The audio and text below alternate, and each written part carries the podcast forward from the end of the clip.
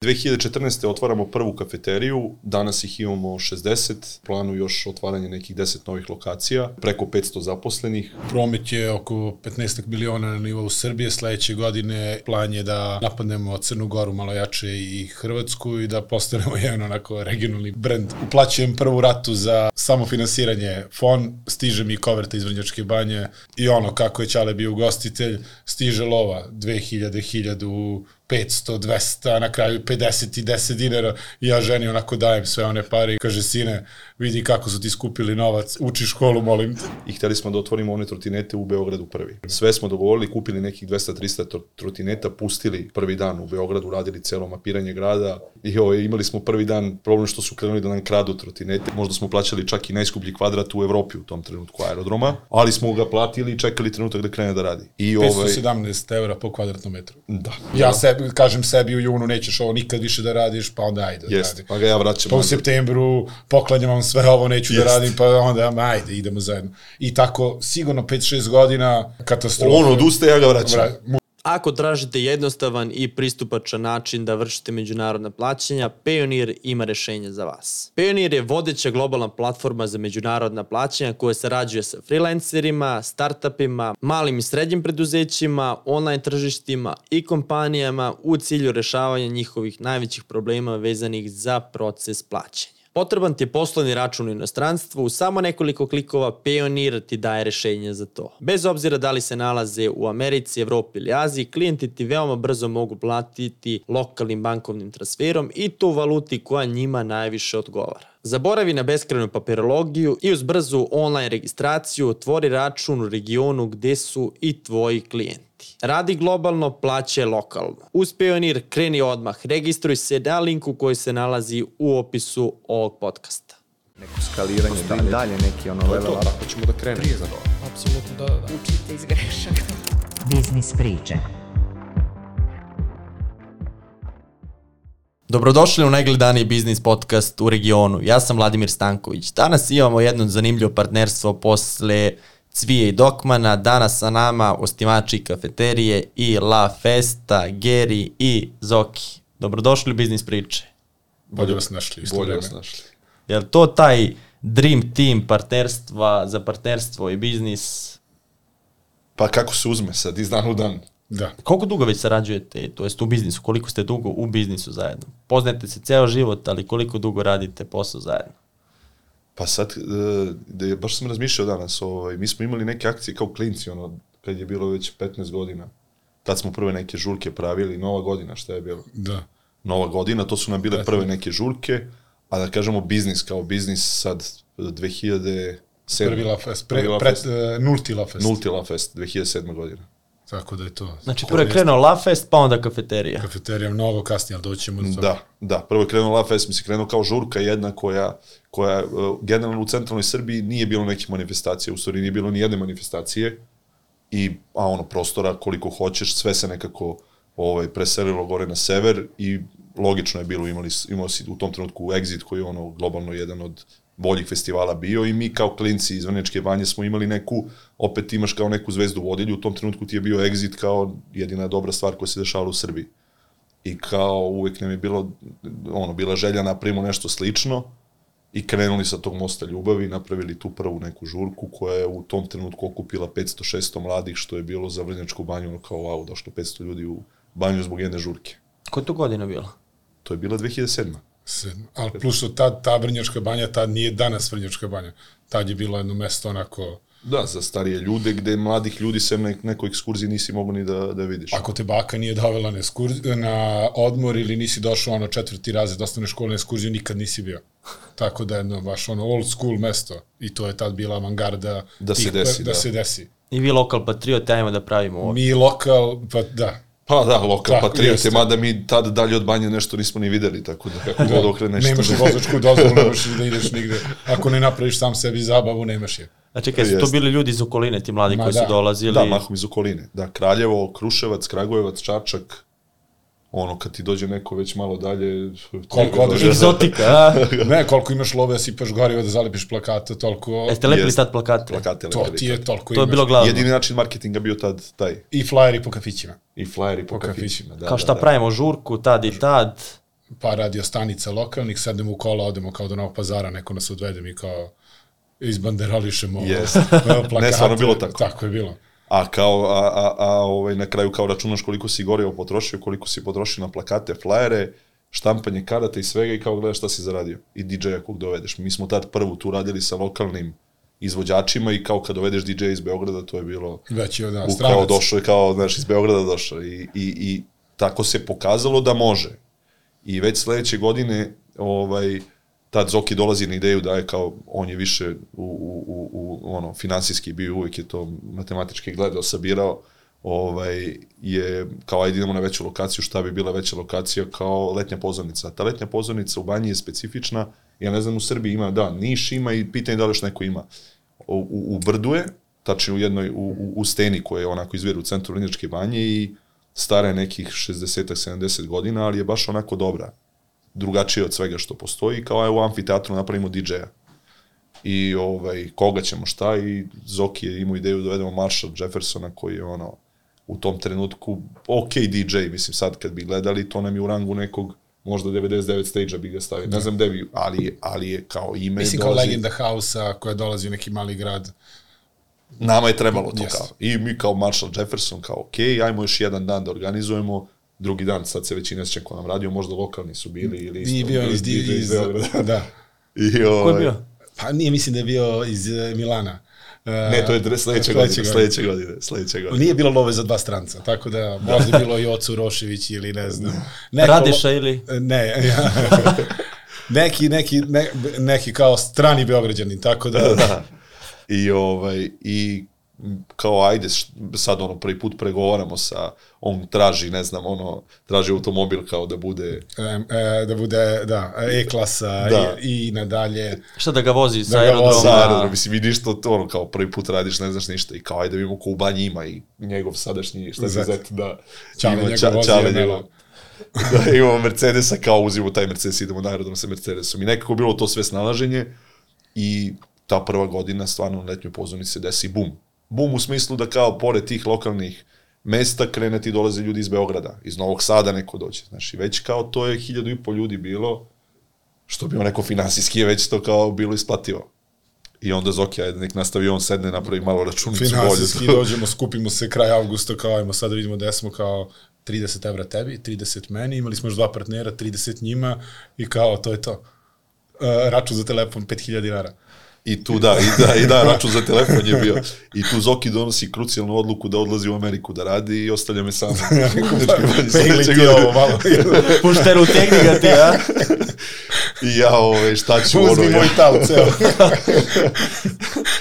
i, ovaj, a ja u tom trenutku ovaj, upisao studiju u Milanu. I, ovaj, I šta ću, kao, ajde, imam lokalne ono, drugare već u Milanu koji su neki DJ-evi tu lokalni u Milanu. Ja im pričam o festivalu, kažem, ja sledeće godine vodim na festival u Vrnečkoj banji i mi dovodimo dva italijana kao DJ-a, kao, eto, ove godine I italijani. bio je Denizam. Uh, Da, i bio je I Denizam Englez koji- je došao. Koji nam je izvuko na kraju Da. festivala. A i ta priča za, za studije, kako si otišao tamo, pošto te nisu, nisi ovde upao na fakultet. E da, ja sam ovde, ja sam ovde završio ovaj, i, i to je ono negde što nas, nas dvojcu ovaj, uh, uh, uh, u, neku, u neku ruku razdvaja, opet ono, kad su ne gledamo iste stvari, on radi na jedan način, ja na drugi, nekako uvek spojimo i nađemo neku sredinu. i Zoki tako smo- kolega Fonovac, a ti umetnik. Ja umetnik. Nespojivo, ali na kraju možda je to i Ali neka... kad si pomenuo okej. kako je otišao na studije, ja sam ga odvezao na studije. Opet korsom na plin. a, smo ne, ne, ne, do Beograda, ali imam ne, priču... smo do Milana zajedno. Ali to smo išli da se da pogledam Da fakultet. Ne, to je na upis, da, izvini, upis, ali ne. kako sam upisao? Aha, aha. Tu priču hoću Ovo ispričati. smo zajedno išli. Ne, to smo išli posle na upis, da. To je isto dobra priča. Ej, što nisam se setio toga. A ovaj, ja sam završio umetničku školu u Nišu i ovaj, tad u osmom razredu kad se trebao da odem u Niš, sećam se ono kad sam saopštio roditeljima da bi išao u Niš, sad ja osmi razred i ono kao treba se odvojim, on je tad upisao gimnaziju u Vrnečkoj banji, ja treba da idem za Niš, ono, danas kad danas svoje dete u osmom razredu pitaju da li bi pustio da ide.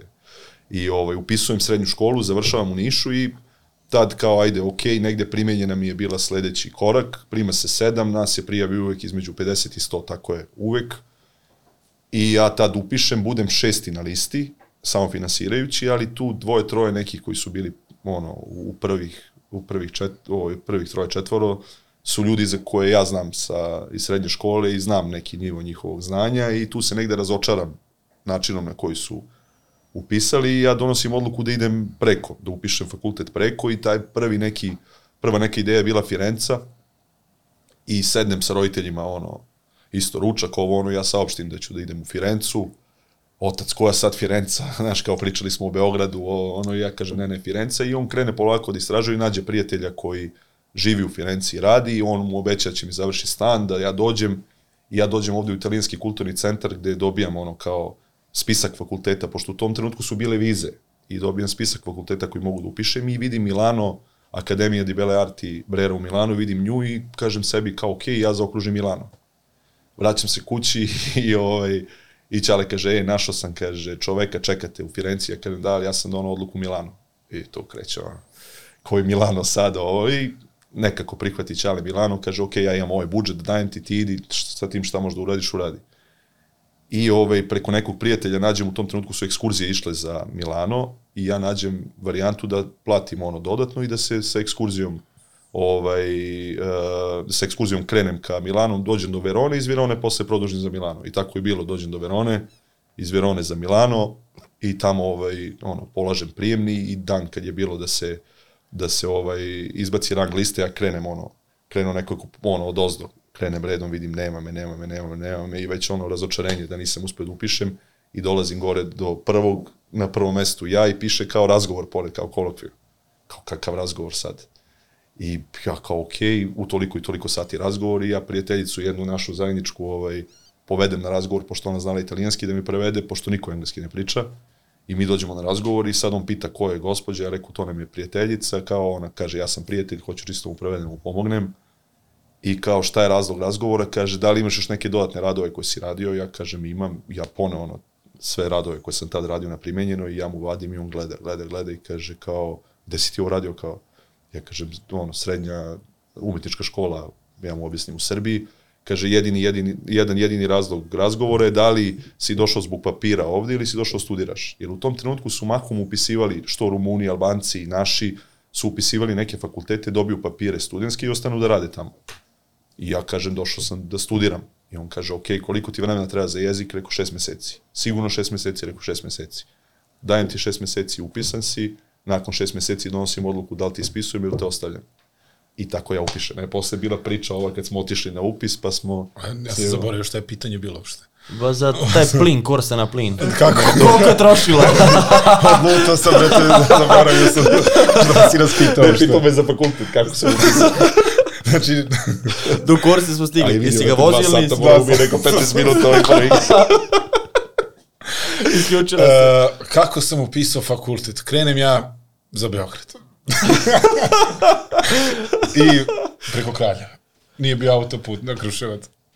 Šalim se, ajmo, ajmo dalje. E, kolega Ponovac, e, uplaćujem prvu ratu za, e, za samofinansiranje fon, stiže mi koverta iz Vrnjačke banje, prva rata s 65.000, dolazim kod gospođe da platim, vadim onu koverticu, dajem i ono kako je Ćale bio ugostitelj, stiže lova 2000, 1000, 500, 200, a na kraju 50 i 10 dinara i ja ženi onako dajem sve one pare i rekao, evo, prvo rata ona gleda, ono rekao, kaže, sine, vidi kako su ti skupili novac, uči školu, molim te.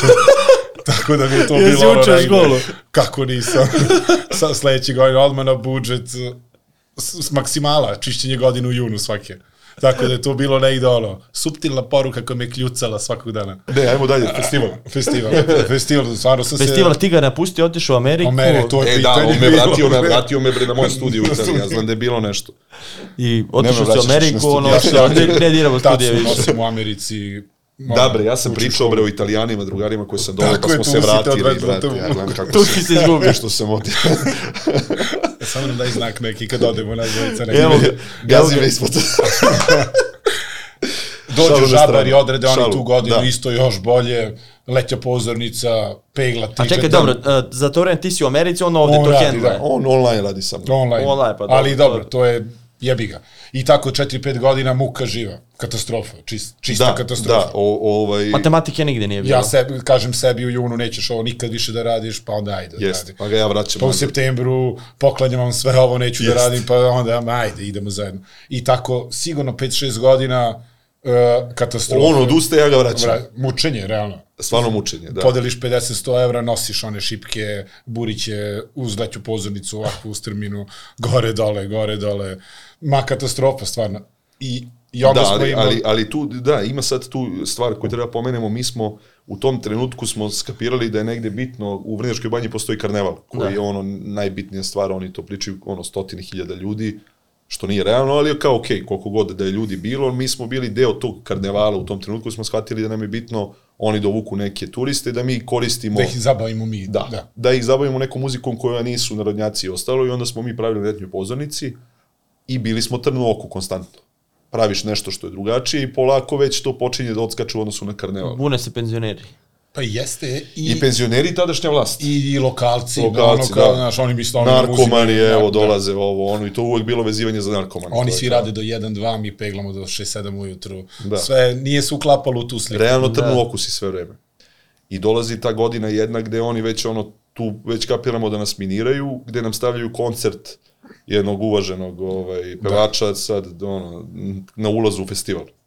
Narodnjak neki, a? Nije, A, nije, nije narodnjak, ali rocker, tu, ali rocker. ono sad. Ali pegla paralelno ispred nas. I, Da, dok nama traje festival, on ispred binu i kao... I mi tu vidimo da smo ono više. Tu skapiramo te godine kao, ok, vreme je da se selimo i da ono uzimamo svoj datum i da kao imamo festival koji će da ima odvojen datum što nam s jedne strane čine uslugu, ne znajući, oni idu ka tome da nas gase, a nam čine uslugu da nas kao odvajaju od sebe. I onda ide ta opet sledeća godina gde mi pravimo prvi put festival koji je odvojen. Iska- On se, u početku se festival zvao The La Festival. The La- The La Festival, jeste. da. I Mislim onda da donosimo smo- tu odluku da kratimo ime da postaje La Fest i kao postaćemo La Fest, La Fest idemo, odvojeni, pa ga spajamo posle... pa ga da, spajamo kao La Fest spojeno. To kasnije dolazi opet. To je sve marketički, ono kao bolje. I ovaj, i 2013. godine prvi put se odvajamo iz karnevala. Ali sa strane brandinga sad bi mogli da pričamo, pri- radili smo rebranding festivala posle četvrte godine, Jesmo. kao što sve velike kompanije rade. Sve smo poštovali, sedme ja, radili smo Sve po drugi, PS-u. Sve Da, po da. PS-u, drugi rebranding, uh, promjena vizualnog identiteta, zaštita, diversifikacija. Jeste, da, da. Sad to je...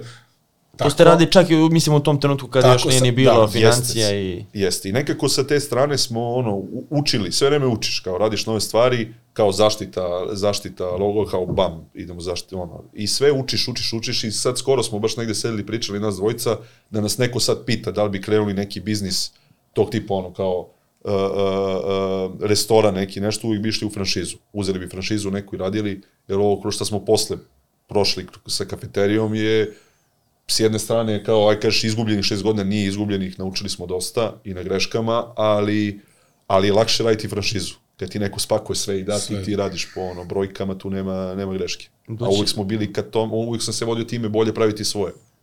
Bolje možda jeste s jedne strane, ali Kad je imaš 22, napornije, 3, da. 25 godina i energiju da radiš s 15-16 sati dnevno. Jeste, baš to. I, da, I iz Amerike. i, i iz Amerike. I jeftinije su greške tad, kad si mlađi. Da. Sad nema toliko prostora Sad si za... scale-ovana, mnogo veće i košta mnogo više sad svaka greška. Doći ćemo i do tog dela i da kažem i franšiznog biznisa. E, koja je ta godina koja je prelomila tu za, za La Fest? Da će biti nešto mnogo veće. Jeste imali neku godinu koja je bila prelomna? 2014. Ali 13. oktobar Tri, mesec da. u Amsterdamu kad smo bili. Tad smo ga, kad smo bili u, u Veste parku. Kad smo rešili da... da pravimo jeste. Zečevi tad kad smo videli. Da, da. O, tad smo rešili da, da, Da ga tad smo selimo. prvi put videli neki veći festival kako izgleda i kao, ok, ajde da probamo da kao sledeće godine napravimo nešto veće, bukiramo jače ime, ovaj, tu je Zoki imao ideju da bukiramo Erik Prica, što je bilo ono nemoguća misija, ali kao, ok, ima ideju, pa ajde da vidimo šta može. Samo da objasnim on je- ljudima koji nisu iz Juvenata. Erik Pric je čovjek koji ne leti i njemu se turneja pakuje ako može da spakuje 4-5 gigova u kolima.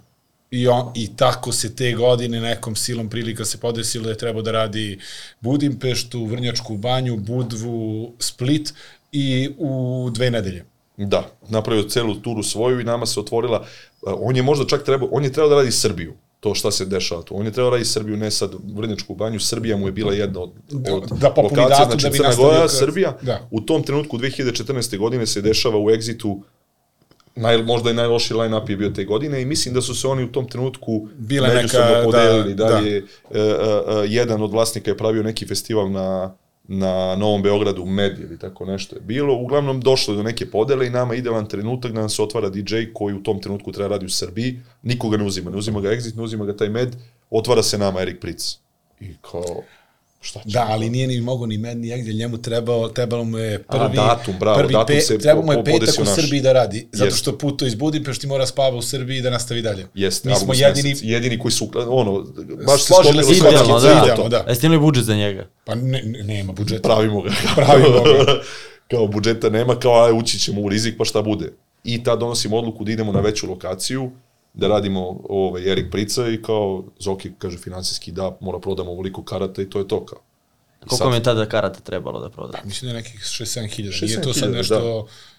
Kamp što je opet 6-7 puta više nego ono što smo imali do tada. Da, ali kao, ok, koja je lokacija i sad u Vrnjačkoj banji ti nemaš kao neke lokacije da biraš, imaš futbolske terene koji primaju ono 70-80 hiljada ljudi, imaš tu našu lokaciju od 2-3 hiljade ljudi, u stvari hiljada i pol ljudi naša lokacija trenutno, mi smo dole širili sa onim delom, kao neke zone smo pravili, pa smo kao malih još. sportova, kocka, sve Kocka, nešto da. onako vić, već I viđeno. ovaj, u šetnji nekoj kroz banju mi prolazimo pored te uh, livade na jezeru, jezero se zove ovaj, izvor, koju vidimo i kao kažemo, kao to je to, kao ova lokacija je kao idealna, centar Vrnjačke banje, ne postoji bolja lokacija. Nikad kao, ništa nije rađeno tu. Da, ima neku padinu koja deluje kao amfiteatar i kao, aj, idemo mi kao ka jezeru. Pošaljemo dopis opštini, opština nam odobri jezero kao lokaciju i ovaj, objavljujemo line-up, u stvari ček, da, bitna stvar kako mi se sad otvara.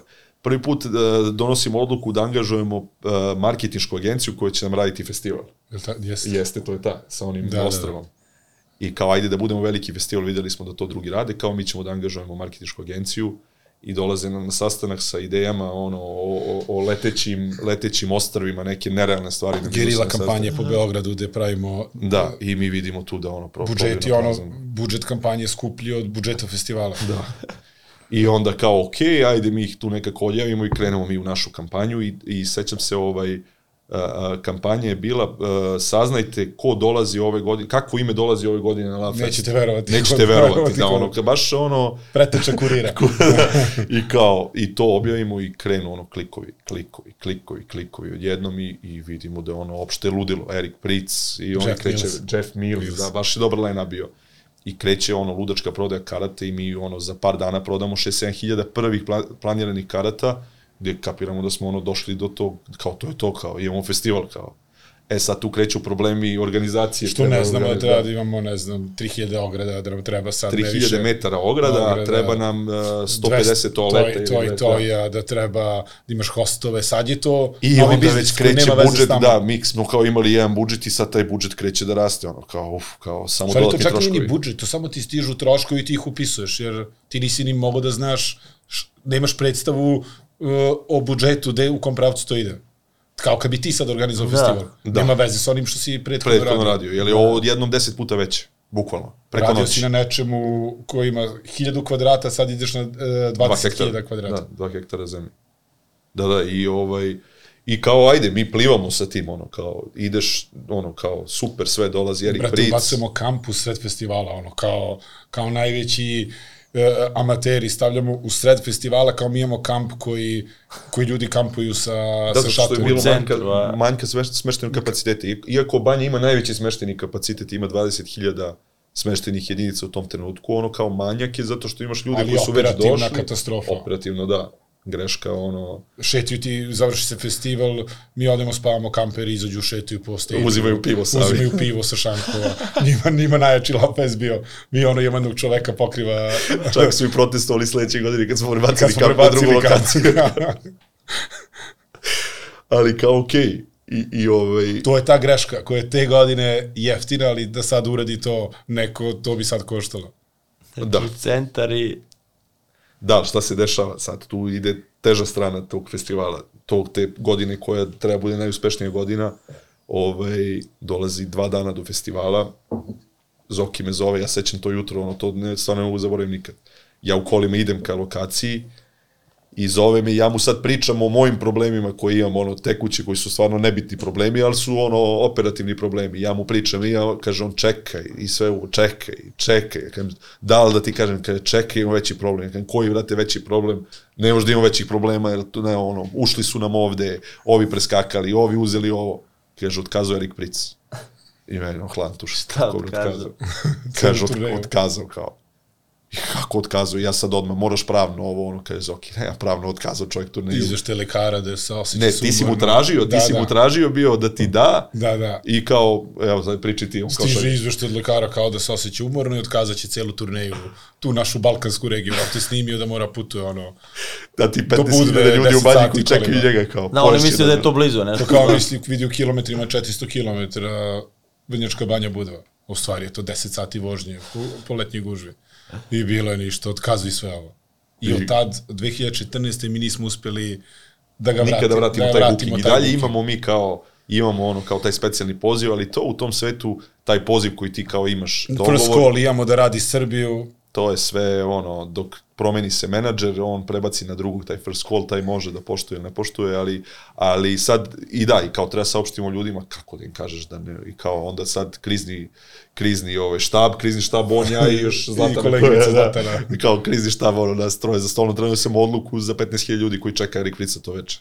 I kao šta ćemo, da li odmah da objavimo ili ne, i kao mi donesemo odluku da objavimo odmah, pa šta bude, bude, ali ono, bitno nam je da on prvi objavi na stranici, što on jeste ispošto da, jeste, sad se sećam. objavio je na stranici da otkazuje celu turneju i onda tu negde teret teret ovaj, tog otkazivanja prebacuješ na izvođača.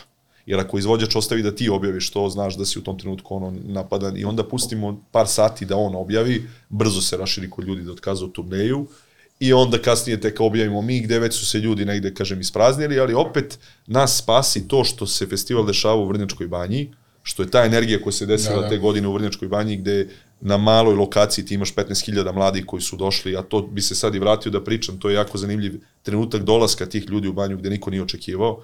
Zokić je pričao posle sa ekonomske strane kako su očerupali sve lokale gde ništa nije ostalo od hrane i pića, ali ovaj, uh, uh, uh, ta bliskost ljudi na maloj lokaciji je toliko zbližila ljudi, toliko je dobra energija bila tih dana da to niko nije ni reagovao na kraju krajeva za price, to tako malo neko prokomentarisao, prošlo je u fazonu da ono niko ništa nije rekao, ljudi su došli ponovo, ne, zamenili smo neki dalje Marko Nastić ili neko radio, zamenio to veče prica i ovaj i, i festival je stvarno dobro prošao bez obzira što je ono glavna zvezda festivala otkazala. Ali sastanak recimo dve nedelje pre festivala sam ja imao s policijom gde sam ja najavio policiji da dolazi 14.000 ljudi u Mi banju gde on- pregled, znamo da dolaze, nije to sad... I oni kao na sastanku, kao, pa kao šta, kao, imamo Šta kao? 100.000 ljudi. Mi kao, da, ali ovo su 14.000 pravih ljudi, koji 100.000, ono, znaš, i kao sad uvek tu su se gađali brojkama. Da, da, i ti kao imamo karneval 100.000 i kao, kak, šta je vaših 14.000, ne menja ništa. I da, i uvek je kao to, uvek ti, a u stvari ti si uvek na tim manifestacijama imao 4 do 5 do 7, 10.000 ljudi, to je bio neki maksimum. Dnevnih uh, posetilaca, Posetilaca. koji dođu i odu u svoj grad odakle su došli. Ovo su ljudi koji tri dana spavaju i provode vreme tu. i troše novac na kraju krajeva, da. I ovaj i dešava se prva stvar koja se dešava, nestaje mreža mobilna, ne radi. cijelom gradu. celom gradu. Što nam se opet spasi s jedne strane da je ono protok informacija bio sporiji, pa nisu mogli nešto mnogo ni da... I, I tri dana imaš nestanak mreže, znači telefoni jedva rade, radio je samo Telenor, mi smo imali tad ono, Telenor radio je, sve ostalo nije radilo. I ovaj, i Pekare, jutarnje, e, festivalci se vraćaju u šest ujutru s festivala, vraćaju u pekare, čiste sva peciva, sve hlebove, lokalci nemaju, kad se probudu 7-8, nemaju da kupe hleb. E, nemaju da kupe jogurt. Znači, grad nije bio dimenzionisan za to što mu je stiglo. što mu je stiglo, vode nema, uh, nestaje voda, nestaje, uh, nestaje dobro, alkohol, ono, ne Da. postoji u radnjama, ne može se naći alkohol, jedini alkohol je alkohol na festivalu koji smo mi opet regionalno vukli, pa smo imali kao dobre zalihe svega, ovaj, i dešava se jedan totalni kolaps drugog dana, gde ono ljudi ostaju bez hrane u banji, nema, ničega nema. I onda snalaženje trstenik, ovo, ono, kreću ljudi polako da se snalaze, no, se restorani, ono, u kolapsu Čeka se po 2-3 sata. po 2-3 sata i to bukvalno svako će vam pričati o, o toj 2014. godini, pričat će vam da je to stvarno bila godina ono kataklizme, gde predsjednik opštine zove kao šta je ovo, kao koliko ljudi došlo, mi kažemo došlo je, aj, kažeš, Milijardu. Da, došlo je da 14.000 i imaš tu još 5-6 hiljada koji dođe neko dođe ono porodično pa kao pusti dete na festival, pa da kažeš uvek da brojka koja ti je na festivalu negde 50% još više imaš ljudi koji dođu s ljudima koji dođu na festival. I ovaj plus goste koje imaš u banji. Znači ti Regularni u tom gosti. regularni gosti. Ti u tom trenutku imaš nekih 30-40 hiljada ljudi u mestu koje je predviđeno da ima maksimum 20 hiljada. Znači dupliralo se sve. I dolaze ljudi sa lovom. U smislu sa lovom, svako ponese ono kao ideš na festival, poneseš jedan budžet, da li traje, to smo mi kasnije skapirali, da li traje 3 dana ili 4 dana, ti imaš svoj budžet i ti ga trošiš sigurno. Da li traje 2 dana, ti ćeš da potrošiš budžet koji si ponao. I ovaj, To ti da. I, i ovaj, te godine je godina festivala koja nam je ono bila, aj kažem, uspešna i odakle dolazi na ideju i Zoki negde, pošto smo sastanke po Beogradu mahom imali po kafićima, Zoki kaže da otvaramo nešto svoje. I prva ideja je bila da otvorimo pivnicu. Da. Pa Nespresso, pa Nespresso radnju sa Nespresso aparatima. Da. Ali da ne zaboravim, kad se vraćam kod ovih grešaka što sam ti pričao, kako skupo koštaju. Posle dve godine, mnogo nam je lepo, sve ide kako treba, kao ajde ovo što imamo tri dana, ajde da ga, daj da radimo četiri, što ne bi imali kao još dan. 25% više inkama. I onda što on kaže, skapirali smo da on, ti kad dođeš na festival nosiš xx eura u džepu, ti ćeš samo da ga, i mi povećamo sebi kost ono, festivala za 30-40%, mislim da to u parama nekih stotinak, 150 hiljada evra u to vreme, a e, inkam ostaje isti. Isti. Ništa Da, nije skočilo. I onda je, ništa, pogrešili Ne, smo. nije ništa, ljudi zadovoljni, dao si im četiri dana. Četiri dana. ljudi zadovoljni, mi nezadovoljni. Sponzori dali isti novac, karta koštala isto. Mi nismo uspeli da uh, uh, šankovi se rastegli na četiri dana. Jebi. Bio poklon ljudima. Poklon Ta ljudima. godina je bila poklon ljudima. I onda ste vratili, daj, Vraći tri. su to tri to. dana, što pre. sledeće godine vraćaju tri dana. Ni to, ni kampovi u centru. Ništa, da, to ništa. su te greške koje je, možeš da platiš dok si tako, da kažemo, relativno mali. I sad od festivala, šta, šta ste radili dok stignemo sad do, do te pivnice, šta ste radili umeđu vremenu? Znači to je bilo sezonski posao, ste cijele godine, niste cijele godine radili to festival već. Šta Tako, ste je, kad radili? je, ako je 15. godina festivala, znači to, to je kad je prva bila, 2007. 8. Da.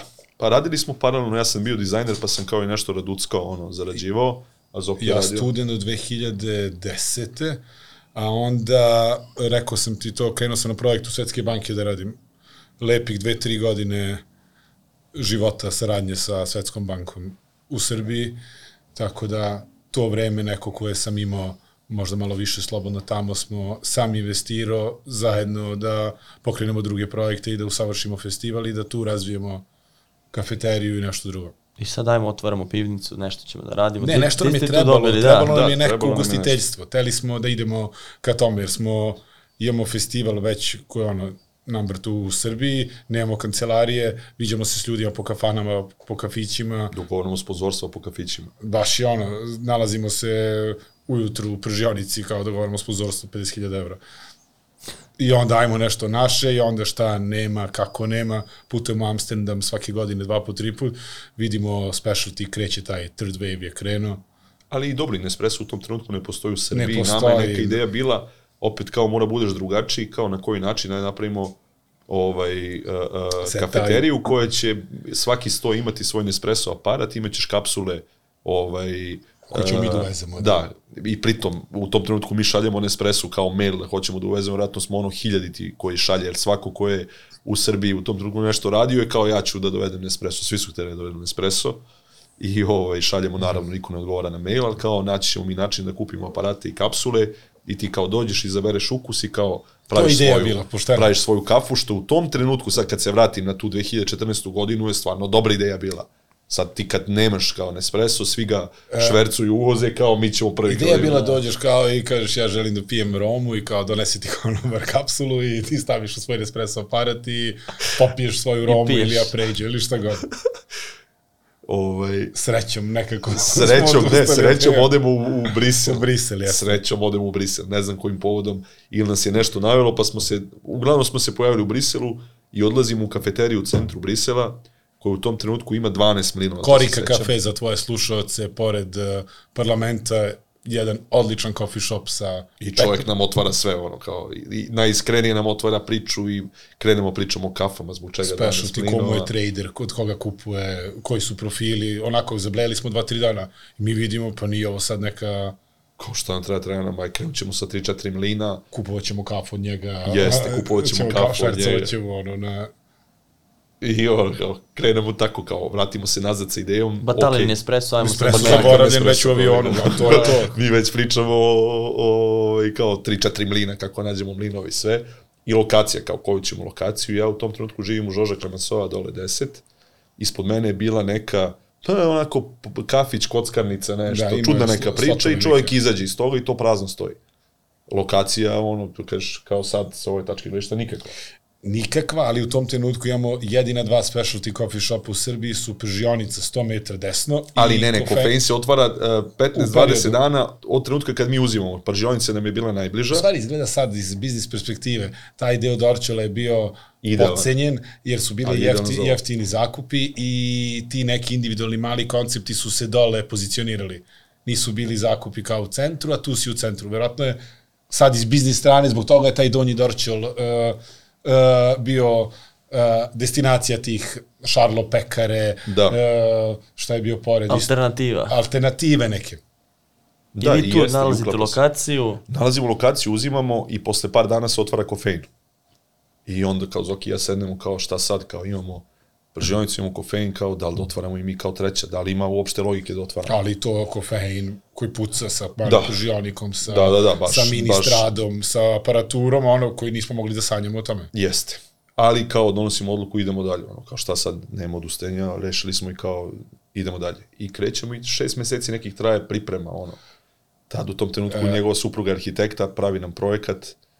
I ulazimo u festival, da. da, Da, o, onako čak i više. Uzeli smo ga prvi zakup, Više, prvi da. osmi, otvorili smo ga prvi, Da. E, drugi, drugi. drugi, drugi. Drugi, drugi sledeće Da, godine, da. da. jeste šest, Šest meseci. Ali šta se dešava? Dešava se da dan pred otvaranje, koje nam je kao zvanično bilo otvaranje, nama obijaju lokal, 7. januar, uh, 7. januar na Božić nam obijaju. obijaju nam lokal i kradu nam mlinove, uh, mazerove mlinove koji ne može se nađu u tom trenutku, nigde ne postoje ono na tržištu. Mi tad ne znam kako smo došli do njih i ladno nam kradu mlinove i pokušavaju aparat da dođu do jednog dela su došli tu ga ostavili bio težak Pun je lamarcoko. bio bojler, nije mogu, nisu mogli da ga iznesu. su mogli da ga iznesu i ostave ga na pola i mi dolazimo u lokal i kao šta sad kao i onda ono depresija ponovo i ovaj, nešto slično ovom Erik Prica festivalu kao, kao kako sad šta radimo pa ništa kao aj ponovo jurimo A mlinove nije, da šta je, šta sad, šta sad? U nedelju u Pančevo na Bulju pijacu. Jeste ga Da, našli? da, da tamo su da mlinovi nađemo. 100%. da Idemo tamo da ih nađemo, da ih otkupimo. da naravno ne nalazimo Ne mlinove nalazimo. tražimo A ne nađemo drugi, potok. kupimo neki drugi. kupimo neki drugi da nađemo neki drugi koji kupimo kao neki ima za tursku izvini. da bilo Da, znači, buljak. A znači izgleda bio Buben potoku, a? Da izgleda. ili izgleda već otišao preko ono kao I šta ste kupili tu, Ali javno samo da znaš, u tom trenutku u Srbiji postoji četiri mazer mlina, od koga mi imamo tri. da Znači, to je nerazvijeno tržište. Dva, Ne, ne postoji.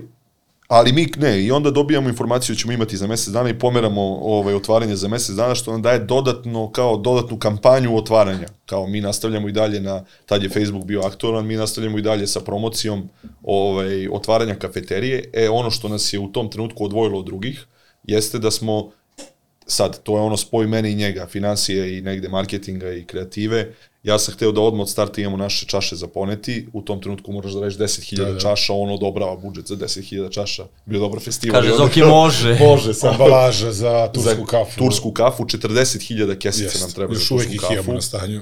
Mi ih tad kupujemo, otvaramo kao ono 40.000 uh, šećerića, Šećeri, 10.000 Uniforme uh, za radnike. Uniforme za radnike. Pravimo sve kao da je jedna franšiza i negde ljudima počinje da deluje da je to neka franšiza koja dolazi u Srbiju. Približavaš se Starbucksu s bojama malo, zelen, Jeste, uzimamo Jesi ti radio dizajn i logo? Ja sam u tom trenutku radio dizajn i logo, a što se tiče samog imena, smo negde zajedničku odluku donali kad smo pričali kako kafeterija, kafeterija, i ja mu šaljem logo, ono, kafeterija sa one dve, sad ne znam, i da- dan danas ljudi to doživljavaju kao peščanik, kad su počeli kapirati, to su stvari dve šoljice kafe okrenute, jedna, ono, okrenuta naopako i kao kafa koja curi, u stvari pokazuje neko vreme, kao protok vremena i ono, kao brza kafa i to je neka ideja bila. I ja mu šaljem i on kaže, to je to, kao idemo, i ovaj i sećam se ono mi smo za par tih za mesec dana smo imali već 10.000 pratilaca na Facebooku što je bilo uh, ono iznad očekivanja. I dođe trenutak otvaranja drugi, drugi, mi smo stvari stavili tri dana otvaranja, to imam taj negde plakat sam skoro našao od prvog, ne, od drugog februara do 5. februara, kao tri dana traje otvaranje. I nama se desi ono kao bum, dolaze ljudi, stoje u redu, čekaju kafu, piju s nogu, mi ulazimo u šank, Nema baštu, Da. da. oni sede na polju, da. da, njegova devojka, moja devojka, ono, svi smo tu, kao pomažemo, radimo, ili šanka, baš onako jedna kućna atmosfera, ali vidim da je ljudima kao ok bilo sve to i svidela im se kafa i nekako iz dana u dan to je samo sve više ljudi dolazilo. Kreće Marti, lepo vreme, on kreće da juri bašte da kupuje, on naravno sve godine dana unapred mora kupiš, mi možda nađemo nigde. Uzeli smo tu simpu malo, to smo našli pet stolica. To je ona što ti je otkinula prst, da? koje nikad nije ušlo baš to. I ovaj Zoki kaže, aj iznesemo gajbice. I evo, nek priča iznao gajbice na polju i kao ljudi krenu se na gajbice. Ali ideja naše te nukleus kafeterije je bila keep it simple. Znači, hoćemo da prodajemo kafu, ceđeni sok i vodu. Znači, nema ništa dalje od toga. Ne želimo veštačke šećere, ne želimo šlag, ne želimo... Mi znamo da je lova u, u mokama, topinzima, u plazmama, šejkovima, ali ne, hoćemo da radimo s jedne strane iz Kafa, operative voda i ceđeni. kafa vodice iz jedne strane iz operative da nam bude lakše, jer nismo iz tog biznisa, a iz druge strane što verujemo u to šta bi mi konzumirali, a hoćemo ljudima da damo. S nam, e, situacija dolazi i moj čale na otvaranje, koji je ono stari ugostitelj i kao šta ćeš da piješ, on traži čovjek e, pivo, rakiju, kaže nema. Pa dobro, dajte kokolu, nema. Pa kao, sine, batali ovo. Kao, Ne, ne, da okupio nas je obojicu i rekao, deco, ja ne znam šta vi radite. A njegov otac je stvarno, ono, da kažem, uh, 80-ih, 90-ih bio najpoznatiji ugostitelj u Srbiji, imao je kafanu u banju koju su dolaze svi glumci, sve estradne ličnosti, bilo je jedno okultno mesto, Sunce se zvalo u Vrnjačkoj banji, to su njegovi roditelji držali i stvarno je čovek ono, za primjer ugostitelja kad Da. kažeš nekom. I on kaže, sine, ja znam šta ste, gotovo. ovo što ste vi zamislili. Kad zatvarate u 8? U 8 zatvarate da, kao. otvarate u sedam. U sedam otvore, pa šta, kao, kojim biznisom se vi bavite, kao? I mi kao, okej, jel kao, mi idemo i dalje. idemo nas našim gur, a mi kad smo tu u sedam rešili, hoćemo da budemo lokal koji se prvi otvara u Srbiji, tad je državna uprava još uvijek radila do 9. Tek je bila kasnije neka Od devet, reforma da, da, da, da, gde da. su pomerili državnu upravu na pol osam. Tako da. smo mi bili dva sata ispred svega. Jeste. I mi smo imali situaciju da kad smo otvorili u sedam, smo imali ljude koji dolaze u sedam ujutru da piju kafu. I svi su bili iznenađeni što kao otvaraš u imaju sedam, negde. kao ni, nisi pekara, nisi brza hrana, imaš kao u sedam radiš. I ugostiteljstvo je u devet kretalo. Tako je. U, u Beogradu. Nije, Neko niti si u imao taj vakum mi od smo- dva sata koji nama bio idealan. I to nam je za tu neku prvu klijentelu, ti kad u 9 već, dođ, već dođeš kod nas, gde je negde važilo da se u 9 sve otvara, ti si kod nas već imao pun lokal. I onda sad to kreće vjerojatno i priča po gradu, ono, kao, ej, bio sam tamo, dobra kafa, puno, nema mesta. I to kad negde nema mesta, to još više ljude navlači da dođu da vide šta je to, ovaj, što je drugačije i onda kao, mi sa tim gajbicama, kad smo iznali gajbice, jer terasu nismo imali i bilo je logično da nećemo ono, u martu mesecu naći terasu, nego već sledeće godine, mi ovaj gajbice postavimo koje smo imali ispred i krenu ljudi sede na gajbicama. I to onda ispadne kao odjednom još bolja fora, kao sedi se na Alternativa gajbicama. čista. Da, baš čista alternativa. Ovaj, uh, uđeš sam, uzmeš kafu, praviti kao gazda tu kafu, znaš, onako sve je bilo, Prijateljska atmosfera. Da, i onda tu dolazi taj ključni trenutak gde Zoki, ovaj, ono, taj fon vaš, reaguje brzo i ono kao, idemo sledeća lokacija. I kao, idemo, šta ćemo? Sledeća lokacija Pržionik. Vidimo Ne, ne, ne, ne, sledeća lokacija je Studentski trg. Da, da, ali I problemi, sledeća ali i posle lokacija, toga, da. E, pa šta će nam Pržionik, ne znamo da pržimo kafu.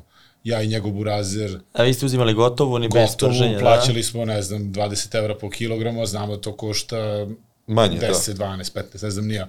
Već vidimo volumene i onda ja i njegov burazer To jest, vidiš ti, na ja ne netu vidim. gledamo uh, ko je naj, najpoznatiji proizvođač uh, mašina za prženje, Probat, Nemačka, ok, dobar dan, da li možemo da dođemo na kurs za prženje? Može, odemo tri dana, naučimo je on kao da, da pržimo kafu i kupimo pržionik. Nakon Bez lokacije u tom trenutku. bez samo lokacije, samo nemamo smo ga naruči, čeka se ono, mislim Da, da, lead time 8, 9 ili 12 nedelja. Ali dalje mi ne znamo da pržimo. Imamo, za, ali, pričao sam ti, dobra stvar je što u to vreme klinci uh, sa tri lokacije mi imamo tri nezavisne firme, tri paušalca, Da. uh, dovijanja razna, ali love nikad više. I samo taj slobodni cash flow plasiramo u nove investicije i, i razvoj dalje. I to je dobro negde, nas dvojica imamo taj neki dogovor naš gde smo ovaj, od starta dogovorili da svu dobit koju ostvarimo ne, ne delimo, nego da je investiramo dalje. Napravit ćemo plate sebi i od starta smo imali neke plate koje smo vremenom dizali, da ono imamo za život, ali da lovu sve vreme investiramo. Evo deveta godina I isto smo radimo. zaposlenici kafeterije. Nismo i dalje, znači sve vreme investiramo i to nam je ono i kao paralelno ćemo otvarati neke nove biznise ako se nešto novo otvori, ko što se iz festivala otvorila kafeterija koja je posle prerasla festival, festival je ostao tu kao jedan lep privezak kafeteriji, nešto što ono već je postalo i samostalno i radi već samo od sebe, a ovaj a iz kafeterije ćemo probati neke nove stvari, pa ako se nešto novo desi, kao super. I uzimamo sledeću lokaciju Studentski trg. To je lokacija opet koja nam se otvara, koju niko nije htio da uzme Prodavnica venčanica. Bila prodavnica venčanica, mi ulazimo, mi uzimamo, ne znajući da u tom trenutku ono ulazimo u problem koji je prethodni zakupac ostavio sa stanarima i dolaziš u lokal koji već ima problem, ono kao. I onda je tu bila borba sa stanarima, pa ajde, nosimo im kafu, pa ovo, pa ono, da probamo da omekšamo malo i nekako uspemo da to sve ispeglamo, otvaramo taj studentski trg, bum, ono, kao opet isto, sve se dešava isto kao dole na Dorčolu. Kao dve lokacije na Dorčolu, obe rade ono, fenomenalno. A vi pržite tu, jeste naučili? Ne, ne, ne, još još nam nije je- stigao, još puto A još nije stigao, a. Puto je još pržionik. Ja i njegov brazer uh, Johnny naučili da pržimo, ali nema pržionika i dalje kupujemo kafu, sve to pod ugovorima smo, ali smo uzimali Ali, da, specialty. ali treću lokaciju već urimo veću da možemo da imamo tu je ideja da imamo prženje kafe u samoj kafeteriji. Da, ljudi skapiraju da je to naša kafa. Jer je već počela priča da li je naša kafa, od koga uzimamo, kako uzimamo. Da Pojavili se loka, da. lokalni, lokalni ovaj, dileri kafe koji pričaju da nam oni daju kafu, što nema veze s vezom. Ono, svako sad sebi diže, pravi... Je se pojavilo nešto novo u gradu što radi super, ima odličnu kafu i sad svako hoće bude deo toga. I onda uzimamo, Zoki nalazi lokal na Vračaru, ovaj, i u tom trenutku nešto je bilo u tom lokalu, ne znam, i izašla ta devojka, ostao prazan, ali sad knjiške, ono, opet kad uzmeš ta lokacija koju smo mi uzeli na Vračaru, je ono, nikad je ne treba uzeti. Ono, jednosmerna ulica, Koče odvodnica- kapetana. Koče Koče kapetana. kapetana. Bili smo Bez tamo. parkinga, e, bašta sa prednje strane od šest stolova, sa zadnje strane kao nepostojeća bašta gde su nam tad gazde rekle, inače naši sadašnji prijatelji, kao ono, ne brinite, sve je to okej, kao, ali opet sad tu dolaze problemi sa stanarima, gde sve to negde dogovoreno do trenutka dok ne uđeš i onda ti stanari ono napadnu sa svih strana. I ovaj, mi uzimamo tu lokaciju koja, ono, vraćam se knjiški, je najlošija lokacija koja može se uzme u ovom našem biznisu, ali tu donju zonu od nekih 200 kvadrata mi koristimo za prženje kafe i ovaj i postaje ono lokal kad ga otvaramo stvarno postaje kao jedna pržionica u kojoj si kao tu ti se priprema kafa E se to vidi, ono, prždionici i to. Da, da, da, vidi se dole. Kad ti siđaš, ceo taj donji deo je prženje kafe, miriše kafa, sve onako, i ostaje jedan prazan prostor koji ne znam kako iskoristimo i kaže za ok, ajmo kancelarije festivala. I kao tu su ti kancelarije staklo i kao vidiš iza neki ljudi rade. Morao sam da ga vodim juče da mu pokažem. Da vidim, ono, da vidi Dobro, sad je vjerojatno to. Nije, sad je sad tu hladnjača. Jel te tu napala ova stolica? tu, ne, nije, to me na Dorčelu napala stolica. Ispričaj tu situaciju. na Dorčelu da pa kažete, napala me stolica, da radio sam i stolica je pukla i slomila mi prst. Da, držao je prst ispod, to je ta simpova stolica čuvena. Ali bila je stolica, nekako je trebala da bude za baštu koja nikad nije stigla do bašte. I rekao Da. si... Ali Nije idemo prošlo. na si onda gde smo krenuli i odakle smo počeli. To je Možete da kažete iz podruma, a? Ali bukvalno iz podruma. Da, iz podruma. I gde smo bacili onu cevku gdje ima svež vazduh, gde smo vazduh. provalili, kad izađemo ono, posle 5 sati Ošavući. posla, kao da smo napušeni, ono, izađemo na kafu gore i vidimo da nešto nije u redu. Živimo u podrumu po 9 sati dnevno. Da, niste... I onda ste ubacili malo vazduha? Da. da. Ali je celo sve to delovalo ljudima kao, znaš, kad neko dođe sa strane, ja sam jednom slušao like koji priča u kafeteriji, sedao pored, a ne zna ono, i priča kao, mora da vidiš, kao imaju pržionicu, pa tu su im ljudi koji rade, sve vreme nešto programiraju sa tim, kao povezuju, i kao sad ja, i sad to verovatno kad krene pričat, onda ljudima deluje, a mi ono radimo totalno drugi biznis ovamo, kao ovde dečko prži, mi ovamo se bavimo Još festivalom. uvek je biznis uh, festival. Da. Mi radimo festival. Da, festival je glavni biznis, i- tri lokala, tri lokala, da. kao festival je to ono kao ge, generator love u tom trenutku kao. Jednom godišnje se odradi, Odredi se, da, još uvijek nije bio Beograd. Ne, da. bile su, bile su. Krenuli Bile su već je krenuo. Beograd. Da, krenuli smo tri žurke u Beogradu da radimo godišnje, koje su kao bile, jer smo skapirali da imamo ljude u festivalu, opet ta strana fona vaša o, reaguje brzo, kaže kao imamo ljude zaposlene, kao ih iskoristimo još, u smislu iskoristimo. Da, ajde napravimo nešto još da dodatno napravimo prihod. I onda krenemo radimo žurke u Beogradu za 2 do 3 hiljade ljudi. I onda ovaj, Ne, dolazi... stani, daj onda postavlja malo pitanja. Mi da dobro, mi sve vreme pričamo. Mi sve vreme I onda lovo do kraja, pa to je to, beri. Da bi, da bi olakšate, da bi olakšate. Kao, gde kupujete kafu? Da stigo da kraju taj pržionik? Stigo je. To je, to je, ta, to je ta vračar. Tu, Tu montiramo stiže. Tu kreće da troškovi sad ono, sa ovim doba- dobavljačem ne treba vam kafa, već sirovina. Tako je, taj dobavljač, na primjer, koji onako malo nam je teo da nam olakša život, pa je rekao morate po ugovoru kupite još ovih 500 kg kafe, pa smo i tu kafu njegovu morali da Progurali, ja? progurali nekako, ali kreće jedna lepa priča gde mi pržimo kafu, sirovinu, e, gde smo uključeni, onako pravi preduzetnički biznis, gde se osjeća da imamo mladog pržioničara kog smo zaposlili, imamo gore svežu, do, lepo je bilo, stvarno lepo vreme. Proslavljam prvi rođendan sinu u, to, u toj pržionici. Da, ono ima igronicu. dobro. Ima igronicu isto zbog toga, verovatno. Tako da, zanimljivo i lepo isto vreme. Mi radimo tu, blizu nam je kuća svima. Onako, I šta Da. bi tu bila vizija? Sad imamo tri lokava, e, lokale, imamo La Fest, šta ćemo dalje da radimo? Da dižemo to u beskonačno Vizija je ili... bila uh, u tom trenutku da mi gle, vidimo da mi znamo da hoćemo da idemo negde, ali nešto ne znamo kako. Ne, pravimo lovu koje na kraju nema. Ono, četvrta lokacija, mi već dovoljno ovaj, prihodujemo, ali kad podvučemo crtu na kraju, kao nestaje novac negde. Znaš. I onda se Zoki setio cash flow-a. Ne, onda je Da. Zoki seo i kao, ajde da vidimo šta sad. Keflo Kao sam da, se setio prošle godine. Tako da, da ka, ka, kasno dođe Kasno. cash flow. Tako da onda šta, kako se, kako napreduješ u životu, učiš od boljih. Kako da učiš od boljih? Imali smo jednog prijatelja iz Beograda koji je bio... Uh, E, ali čekaj, to, izvini, izvini što te prekidam. Pre toga moramo se vratimo da smo imali, da ne bi preskočili tu stvar što je bitna pre ovog što smo angažovali, smo imali prvu situaciju gde dolaze da nas kupe. na trećoj lokaciji, jeste. Na trećoj lokaciji. To je dobra priča. Javlja se, ja ću ispričam ovako, uh, politički korektno, a ti ćeš posle malo oko Da ga marke. začiniš, da. a? Da. jedan, uh, jedan od najvećih uh, retail lanaca u Srbiji uh, se javlja na naše tri po ili čet, na četiri tri lokacije. otvara- da, otvaranje otvara se Bano. Obrdo i hoće da urede akviziciju. Uh, znači, mi radimo, objasnio sam ti tad, imamo možda i e, četiri firme koje su paušalne, koje su nezavisne, jedna na njegovog brata, Što bi moju neko radimo na papirče. Na onako nešto i sad oni hoće, javili se pošteno sve ono uredno, hoće da se vidimo da pričamo o akviziciji. Šta ćemo? Uzimamo konsultanta koji stvarno čovek, stari lisac, krene da nam, da nam nama izvlači u Excelu multiple, e, projektovani biznis za pet godina, pa se u petoj godini EBITDA, e, a, a ova, množi sa tom multiplom. On nama spakuje neki Excel, znači ludilo neko.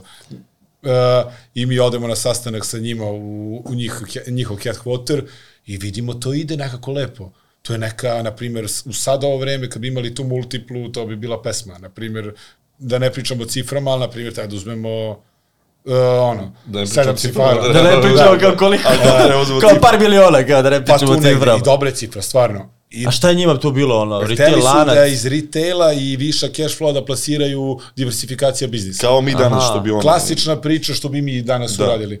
E, I imaju već postojeće lokacije, imaju eki, vide dva klinca koja Da. da. dobro peglaju biznis i sve to s njihove strane. I napred, nazad, napred, nazad.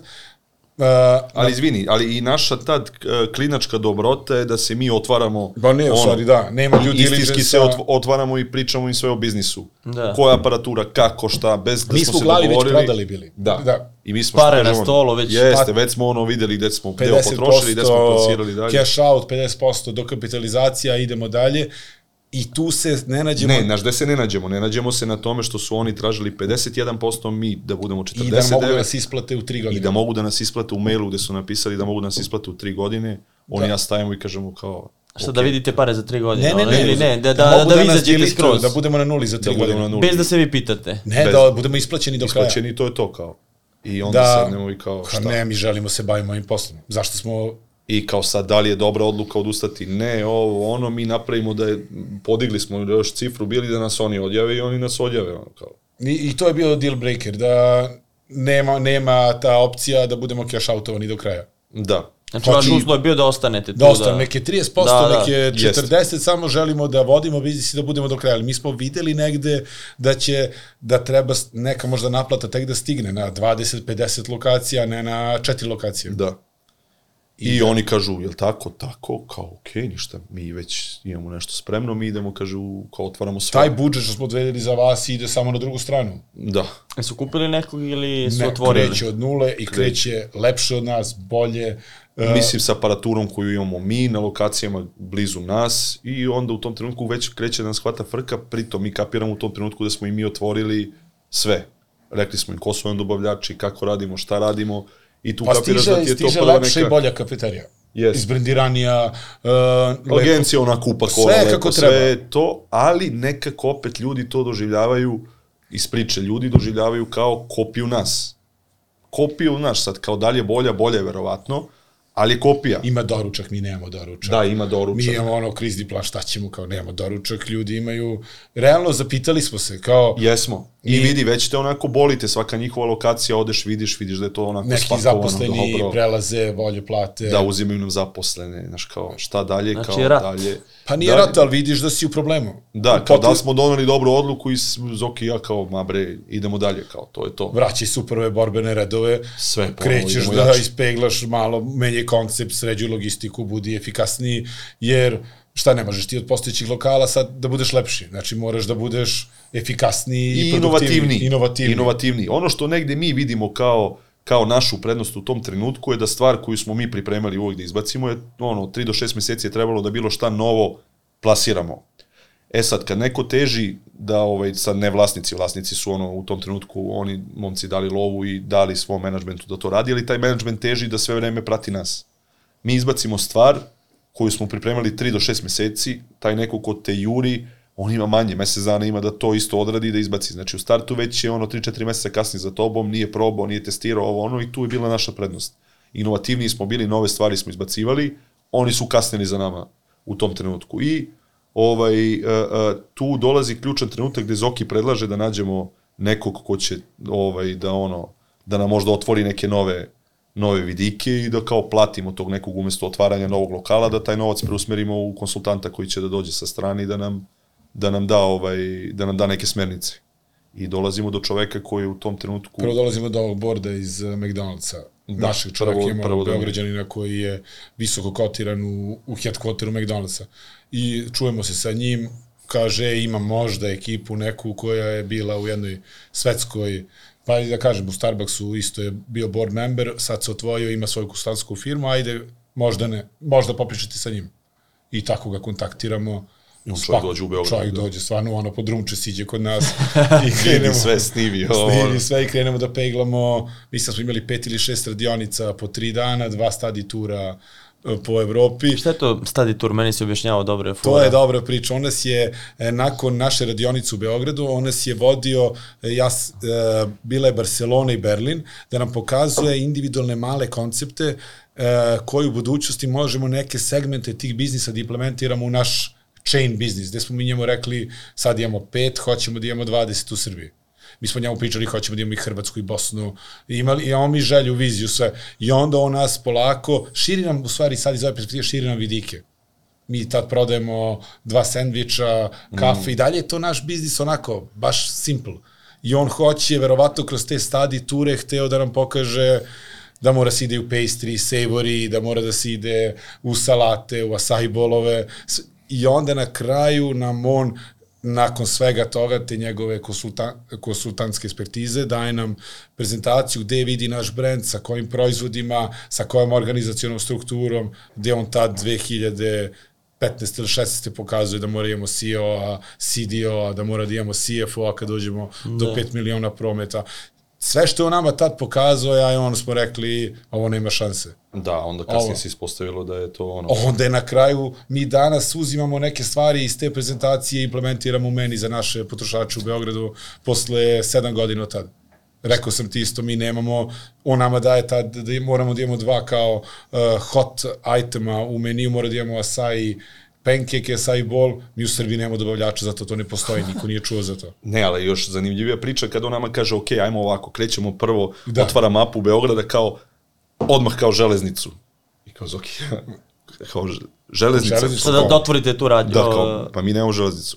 Kako, kako nema, kao železnica mora, kao železnica mora, kao pa da, mi nemamo, kao to je sad dole, znači se objasni šta je tu Da ne muzej postoji, da neki. niko ne, put, ne putuje vozom. Kao, kako nema? Pa kao nema. To smo, vratit ćemo se posle priču i za festival sa Holandjanima imali slično kad smo im pričali da nešto nemamo, pa ljudima to ne shvatljivo. Ali kapiramo, ja, ja sam to negde i ovaj, slušao jednog našeg možda i najvećeg preduzetnika u Srbiji, ovaj, gde je jednom rekao baš to da uvijek treba slušati konsultante i kad ih saslušaš, ti implementiraš to na naše tržište. Ti kad ti on kaže železnica, mi znamo da je to aerodrom u prevodu. Ono, veći broj ljudi, protok i odmah smo uzeli aerodrom, aerodrom posle toga što se ispostavilo kao super stvar. Možda smo plaćali čak i najskuplji kvadrat u Evropi u tom trenutku aerodroma, ali smo ga platili i čekali trenutak da krene da radi. I ovaj, 517 evra po kvadratnom metru. da, 517. Da. smo mi dogovorili. Mi licitirali i pobedili. licitirali i pobedili na toj licitaciji, a početna cena je bila 40. I onda možda zamisliš taj čovjek Dobri koji je odustao, koji je odustao da. na 500 nešto, ja se sećam situacije gde je odustao i rekao, momci, kao, e, sa srećom, kao, šta ste vi ovo, kao. Ja, zanima me ovaj lanac što su otvorili ovi konkurenti, jel to funkcioniše i dalje? I dalje, da, da, to radi i radi super i oni otvaraju u tom trenutku Ne, terazije. A ne, ne, ne. konkurencija koja je otvorila, Ali si to danas ne radi. Pa da, mislim da funkcionišu ono danas. Funkcionišu danas u kafeterije. A, ta priča. Ćemo da dođemo kasnije To do toga? Rade, oni rade odlično, odlično rade. To je, a, da, odlično Reći radi. ti da rade uh, 150% bolje nego što su radili nekad. Doći ćemo, znači kupili ste Zapiši konkurenciju. pa ćemo da se vratimo. Kupili smo konkurenciju. Štikliraj tamo. Evo ja sam ga malo pre upisao, čekam da vidim da li je 2020. to. korona, nek ti bude tag, pa ćemo da dođemo. Da, tu dolazi jedna teška priča, ali opet na kraju sa dobrim, sa lepim završetkom. Znači, uzeli ste aerodrom, uzeli ste konsultanta, Implementirali ništa. savete i šta, šta mi je rekao sad, ne znam, imamo plan za rast od 5 do 20, kako je išla ta matematika? Rekao nam je sigurno šta će nam se desi. Od 10. do 20. lokacije javlja se u chain biznisu black hole. To je jedna rupa gde ti rasteš uh, i nemaš lovu. Zato što taj intenzivni rast ti crpi, crpi ti kompletan cash flow i ti misliš da se ne pomeraš. U stvari, to je u našem biznisu predviđeno. I stvarno je tako i bilo. Stvarno je to naj, najteži trenutak ono poslovanja gde ti radiš, ali kao love nigde. Ali bukvalno nigde. Kako nam je rekao, Dođe tako bilo. avgust, padne posao 15% i ono, Ne, da, može, Šalj- da, da dođe neka kriza, nema ni cash flow-a, ni zalih. ma nema ništa. Da, ali e, u tom trenutku ovaj drugi lanac otvara flagship store svoj na terazijama. I ovaj Nemac kad je bio tu, mi odlazimo do terazija da vidi flagship store njihov i on kaže, vidi, ono, kao u vašem biznisu mora da imate flagship store, znači mora da nađete lokaciju koja je ono, lokacija najbolja u Beogradu, jer doći će vam Starbucks, on će prvo juriti to, znači kad vam se to pojavi, onda vi nestajete sa mape ono, kofi lanaca i mi on, odlazimo, on vidi njihovu lokaciju i kaže ovo je super lokacija, sve je urađeno kako treba. I kao aj šetamo kroz grad, šetamo, šetamo i prolazimo kroz Kralja Petra, pored one velike zgrade magazina robnog i on vidi lokaciju i kao zajedno s nama kao to je to kao, znaš, kao šta je ovde, mi kao ne znamo, Zatvoreno 10-15 zatvoreno, godina. da, već dugo stoji zatvoreno. Gratex, Benetton, OVS, što je bio. Jest. Kafeterija I, magazin ovaj, danas. Mi krenemo se raspitujemo polako i dođemo do toga da je ta zgrada vraćena u restituciji Jevreskoj opštini Beograda. Ovaj, jer sve te zgrade koje nisu imale naslednike ovaj, su vraćene kasnije ovaj, Jevreskoj opštini i to je neki zakon koji je donet, ja mislim, samo u Srbiji. Oni su dobili 130 nešto objekata u tom trenutku, ali e, stari grad tuži Jevrejsku opštinu Čak i ne tuži, pravo žalbe, nije tuži, imao je pravo žalbe. Kada dobiješ na restituciji, e, po automatizmu javno pravobranilaštvo šalje žalbu.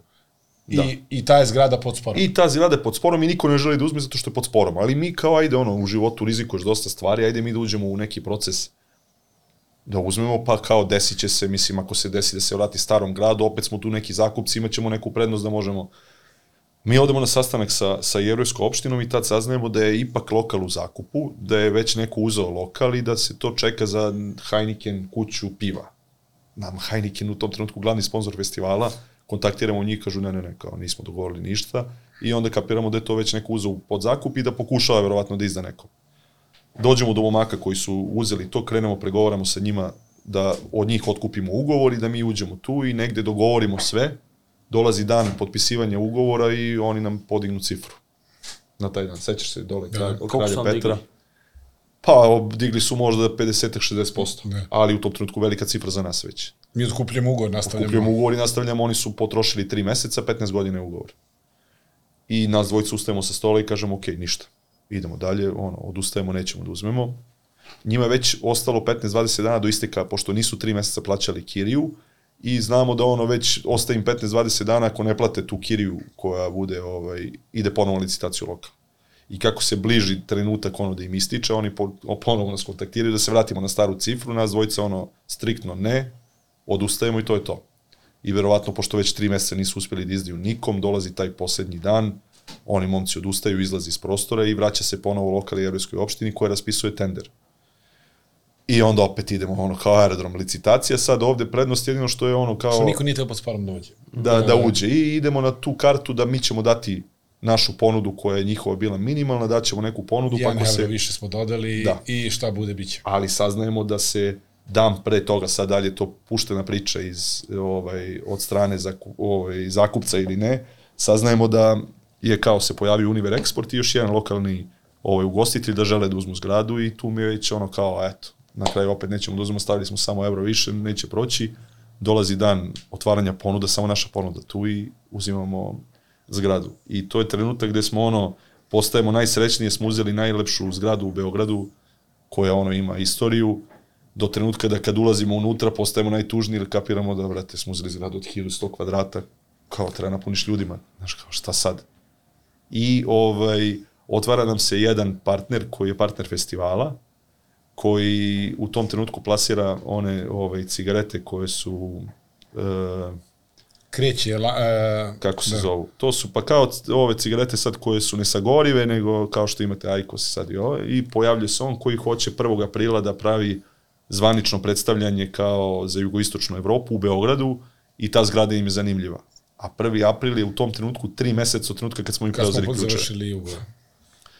I nas dvojica šta ćemo kao ono, otvarati se kao super lova, sve kao idemo za tri meseca kao da otvorimo lokal. Taj event ti Od plaća... hiljadu i nešto Da, taj kvadrata. event ti plaća tri, tri kiri ili četiri. I da, i ne smeš da ono ne otvoriš. Znači, ne postoji mogućnost da se ne otvori. Tu bi penali bili i mi šta ćemo, zasučemo rukave i kreni. Da ne I dobro i razvija i koncept. Jeste, e, da. I moleriš. Prvi put tu dolazi kuhinja, ubacujemo barber store, morali smo da E popunimo... da, otvaramo, otvaramo uh, kao, pojavljuje nam se podrum koji je kao beskoristan i kao šta ćemo, aj kao otvorimo berbernice. Ja pitam Zokija kao otvorimo, kao neću se bavim i berbernicama, sad kao ne treba mi to, radi sam. E sad ja kao nisam navikao sam, to mi je najveći problem kao sam. I ovaj, pojavljuje se naš drug, ovaj, vaterpolista Duško Pjetlović, on hoće da radi berbernice. Ja To kažem, mu kaže životna želja. Životna da želja da berbernice. evo, Ja rekao, evo, kaže, Zoki, evo ti ga, evo ti ga čovek, odmah, imate gl- gratis od nas pet godina zakon. Da. I kao Duško i ja kao, ajmo, otvaramo berbernicu i mi paralelno razvijemo i berbernicu. Danas ta berbernica ima tri lokacije. Kako se zove? Britva. Ima aplikaciju, ovaj, jedina berbernica u, mo- možda u Evropi koja ima svoju aplikaciju. Ovaj, imamo 4000 korisnika, razvili smo aplikaciju gde sam rezervišeš termine, razvijemo neku novu koja je ovaj, još će biti ono unapređenija.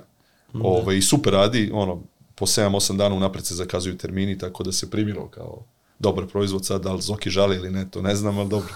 Evo ga, nešto, nešto nije raspoložen. Ja gledam još što manje biznisa, nešto više, ali I ovo- poenta berbernice, imamo, razvijamo berbernicu minus 1, dečju igronicu plus 3, mikrolot na drugom spratu, poenta je da popunimo prostore. Ska, skapirali smo da ne možeš na 1100 kvadrata da daš istu ponudu, nije, nije održivo. Kafa na... Da. Da. I Pa- dolazi ono pet dana pred otvaranje gde nam je možda i najveća frka, jer kapiramo da ono u trenutku moraš da imaš 600 ljudi, 500-600 ljudi u lokalu da bi taj lokal i ole delo pun i da ono ne bude kao zgrada duhova. I kao sad već počinje te hvata frka, da li ćeš, znaš, kao gledaš prolaznik, ima tu prolaznika kraja Petra, ali ne sad to da O kao će 600 da... ljudi da smestiš, to je baš... Da. I ja dolazi, se, izvini, dolazi Švaba, ovaj konsultant, Nemac, izvinjam se, i kao, uh, da li ste kupili, kaže, absorbere, Švaba, absorbere zvuka za, za prostor, kao šta, kao da, da, mora imate slike koje absorbuju zvuk, da ne bi bilo, nismo kupili absorbere zvuka. Da li, ste, da li ste uradili signage za, ne znam, za kategorije? Nismo uradili. Znači, nabrao nam je nekih pet, ono, mi ništa toga nismo. Niš, kakvi absorberi zvuka, kakvi tepisi koji... Da. Ništa jebi ga, tako je bilo. I, ovaj, i, I dolazi dan pred otvaranje i ja otvaram našu Facebook stranicu i u tom trenutku se pojavilo ono, krenuo je Facebook live, kao da pustiš live. I valjda sad ono, vi to bolje znate sad ovde, ovaj, algoritam u početku kad Isfavorizuje nešto ga, krene, da. on ti favorizuje stvari da bi to promovisao što više. Da. I ja se sećam, ja krećem sa telefonom da snimam live, ono, u zgradi i odjednom ono kao raste broj, raste broj i u jednom trenutku 180.000 ljudi kao je pogledalo u roku od sat vremena to što smo uradili live. I vidiš komentari gde je ovo, šta je ovo, kakva je ovo lokacija. A? I nama se dešava, otvaramo lokal, to je ono haos. Isto, ljudi dolaze, slikaju, gledaju, nikom nije jasno. A i mi smo nekako lokal oživjeli u smislu da je taj lokal, mi smo tri kamiona uh, uh, gipsenih zidova iznad iz njega. Znači, oni lepi stubovi, sve ono što je bilo lepo u lokalu je Benetton ili neko ko je pre toga bio ovaj, zato što po njihovoj knjizi standarda to mora da bude tako, su verovatno sakrili i mi kako smo ono skidali gipsane ploče, mi smo dolazili do zidova koji su ono, magija. Ono blago za nas. Da. Da. I malte ne smo ga, kao da smo ga oslobodili, tako je delovalo. Ali samo da napomenemo za tvoje slušalce, gledalce, to je prva robna kuća u Beogradu. Znači, Iz Be- 1907. godine. Da. Znači, ta jevrijska porodica iz Buli. iz, Buli iz Beča je otvorila prvu, prvu loptu za futbal je donela na tu lokaciju. I organizovala turnir u futbalu, Da. da bi ljudima pokazala šta je futbolska lopta. Znači, ima neku istoriju za ovaj grad i ovu državu i mi smo hteli da vratimo E, to. evo da... dole, opet ovaj naš kruži ovaj, slavio. Koliko ste mu dali da, da se vrti ovde oko Slavije? Šta piše kofi? Du, duga mu je tura, sad i po. Da, čekaj, kako sad. Nis, niste optimizovali? Nije ovo, ovo nije, da.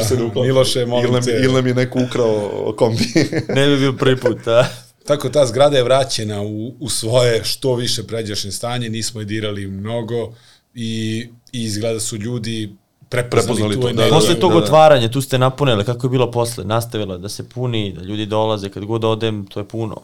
Pa Da, jeste. jeste. Uzeli Jeste. smo u to vreme najboljeg srpskog uh, kuvara koji nam je uradio, postavio taj početni meni, pa smo se onda, tad je krenuo i koncept all day breakfast. Uh, je to ovaj Nemac rekao da to konsultant... nije, ali, ali smo mu dali njegove instrukcije da proba da nam optimizuje za srpsko tržište, da nam optimizuje meni. Da, on nam je dao pravac. Pravac. Baš ono smo pričali, kad ti on otvori knjigu njegovu, ono stvari koje treba da uradiš, on ti da pravac, a ti treba ga implementiraš u nešto što će u ovom tržištu ono, šta, šta je dobro, što u tom trenutku, da, u Beogradu ti nemaš doručak posle 12, to znaš i ti.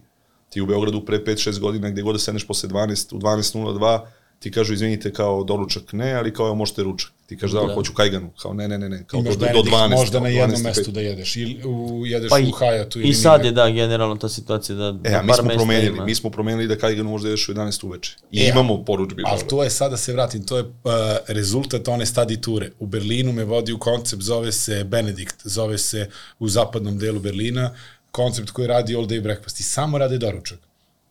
I u tom trenutku vidiš kako te neke stvari se povezuju i to klikne, dođe do i implementiraš nesvesto posle dve godine neku stvar. I vi otvorili toliki lokal bolje od ovog na na Pa već je trgu. veći od ovog na terazijama Na i već terazijama. da, postoji bolje od da, ovoga. odjednom si se pozicionirao u tom trenutku kao ono, To je peti to ili to šesti kao. bio, ja mislim.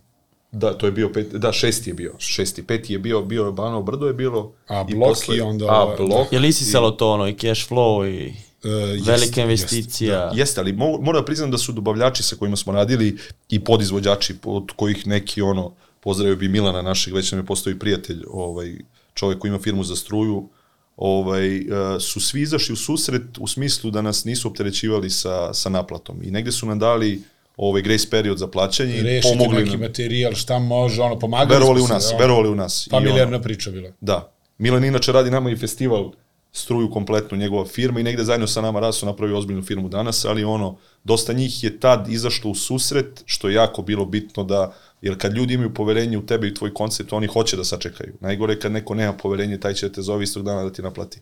Znači to uzajemno negde, ja, ja kažem ono, uzajemno poverenje, šta je bitno i, vratit ćemo se na to da uh, uh, mi sa tom velikom kompanijom nismo dogovorili prodaju tog trenutka, ali smo ostali u ok odnosima jer nekako odvajamo biznis od te strane kao biznis jedne strane ok, ali treba ostati kao u dobrim odnosima, jer nikad ne znaš kasnije na šta će te navede život, evo nas navede da smo otkupili njih, mislim ono.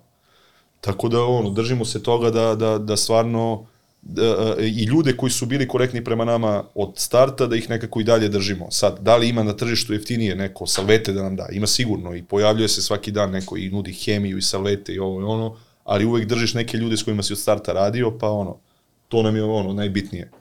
I kako je, ajde da dođemo sad do te situacije kad ste kupili taj lanac u pitanju avijator, je li tako?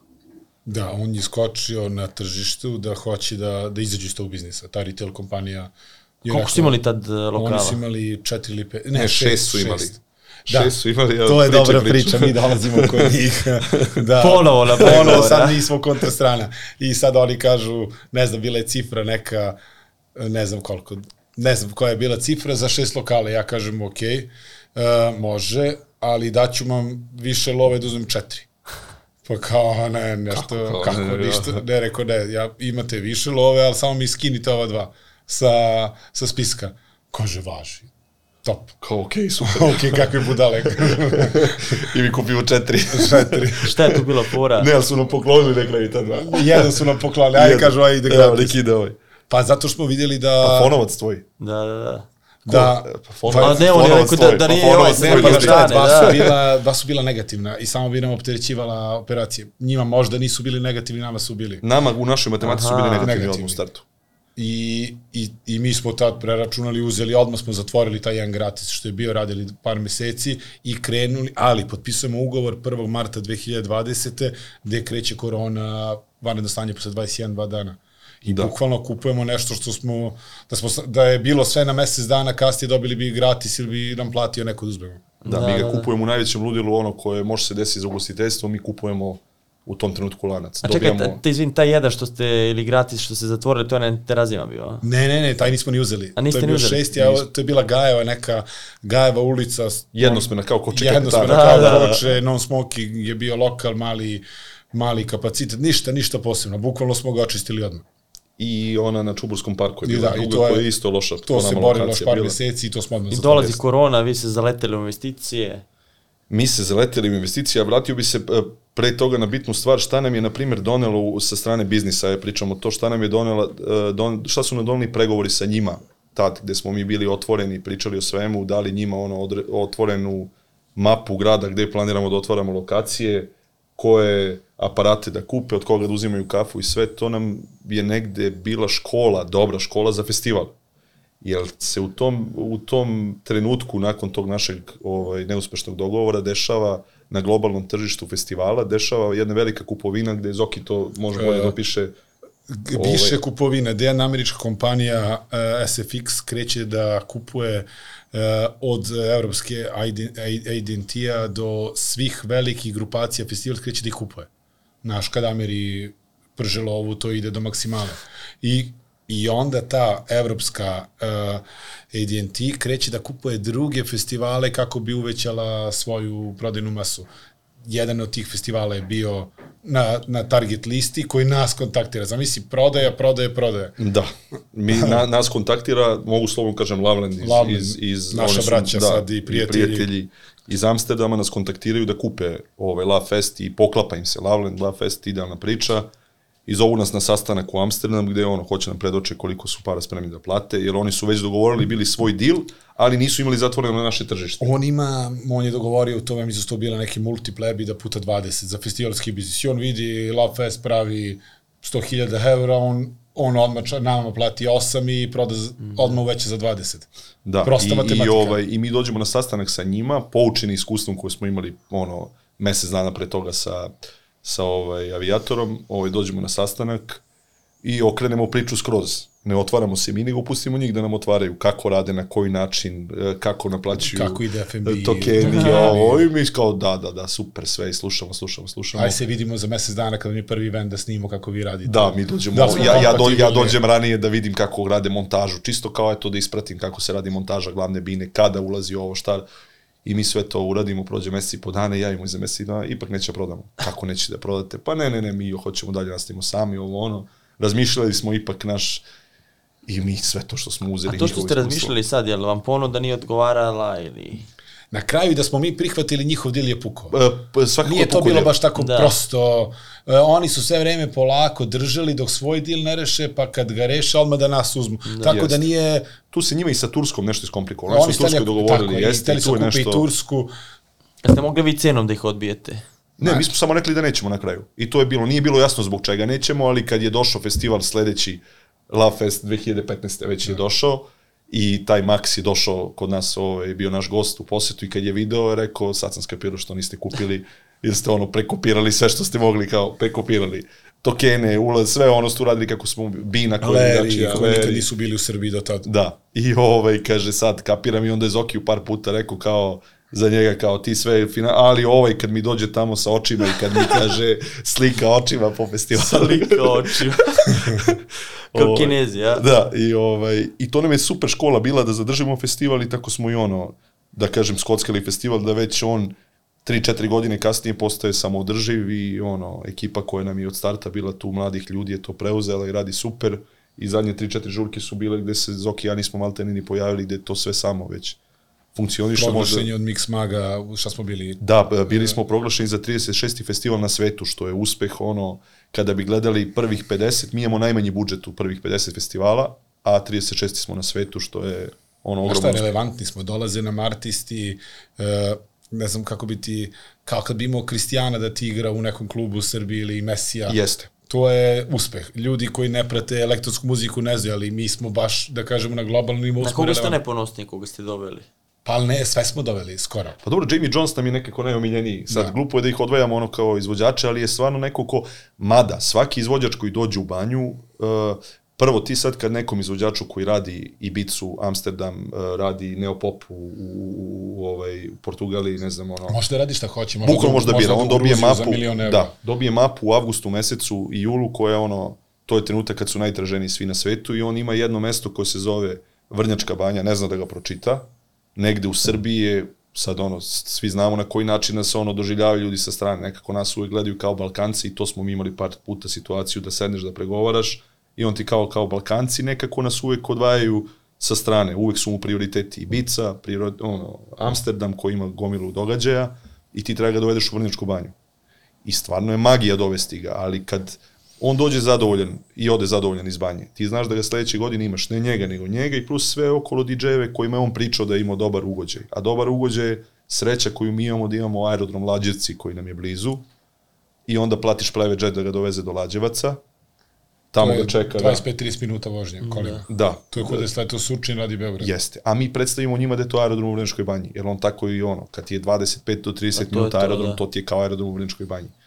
Dobije hotel sa pet zvezdica, stvarno dobije jedan ugođaj koji ono, mi se Hosting trudimo, maksimalan. da, mi se trudimo da budemo dobri I ima domaćini. ta neka ona energija koja je stvarno ne, neverovatna na toj livadi u tom gradu.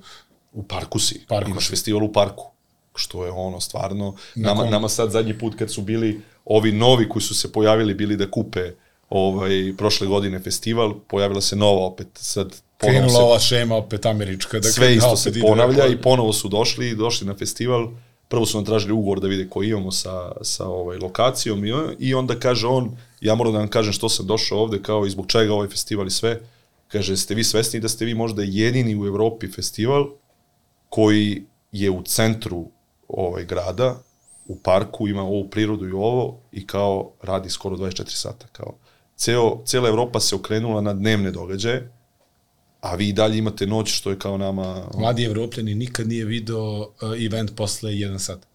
Kaže, vi ste za njih uh, avangarda. Da. Ovi novi, nove generacije Nove koje generacije. dolaze su navikle šta je u Holandiji. U Holandiji je već posle jedan sat hladno. I ti u jedan noću mora da imaš jaknu ili već ono padne I temperatura prelazi 30-40 se na aftere koji su u zatvorenim klubovima. I da, ide, ide se na zatvorene. A mi i dalje imamo tu mogućnost da imamo noć, kao što ima Ibiza, ali Ibiza nema festival. A mi smo festival koji je ostao i uh, šta je razlika između, između Exit i nas? Mi smo ono, festival koji je okrenut elektronskoj muzici i baš smo tako negde privlačimo ljude koji dolaze isključivo zbog, zbog elektronske muzike. Exit je opet festival koji ima i live binu, koja im je negde ono, ovaj, uh, uh, uh, uh, najveća bina na festivalu. I sad me zanima sad jedno pitanje možda za, za kolegu s Fona. Pričali ste o tim dijelovima, o prodaji. Kad ste pričali o ceni, po, kom, po kojoj formuli se gledala ta cena? Ono? Ko je to multiplikator? Šta se tu gledalo? Promet, profit, puta? Uh, EBITDA multiplikator. Pričaš za našu prodaju ili našu kupovinu? Za, za prodaju. Pričam sada Da, o da, tom da, festivalskom čisto, da, da. A Ko je tu multiplikator? Šta se tu gleda? Tu su Da, nevjerovatni. da, tu je neverovatni multiplikator. Ako je naš biznis ovaj, da kažemo, retail biznis je od 6 do 12, 15, to je bilo sve 20 puta. Ne, Znači, šta ide EBITDA puta... Puta 20. Da. Za taj festival. da. Kažu da je Awakenings prodat tad u tom trenutku bio 27. Nije realna priča, ta, e, nije Da. to bila realna, jer je stigao veliki, veliki investicioni fond, stigao je veliki keš koji je hteo da, Da. da. Da, da zatvori tržište. Ali čekaj, i, uh, Awakenings je prodao 27 multiplik, ali, ali je kupljen za 7. Kasnije su oni otkupili ekipa koja je prodala je vratila nazad. nazad. Aha. Vratila ga za 7. Tako da festivalski je biznis napravili, nije da. realan biznis, ne, ne post, bez... Uh, uh, Pa ne, ja bih ga više uzeo, on je, on je biznis koji je kao, kao sport. Imaš s jedne strane festival i s jedne strane sport. To je to kao. a ja bih ga uzeo drugačije. ne, ja, i statusni simbol negde s jedne strane, zato što brand kao, dio- jeste. ja bih ga više povezao sa agrikulturom. E, pa to pričali smo juče, to je Ja, zanimljiva to tema. To je, vi, Zašto? vi fonovci tako gledate. Kakve ja veze sam ima morao- sad? Ne, Agrikultura, znači godinu dana radiš, ulažeš sve u maksimum i padne kiša tri dana.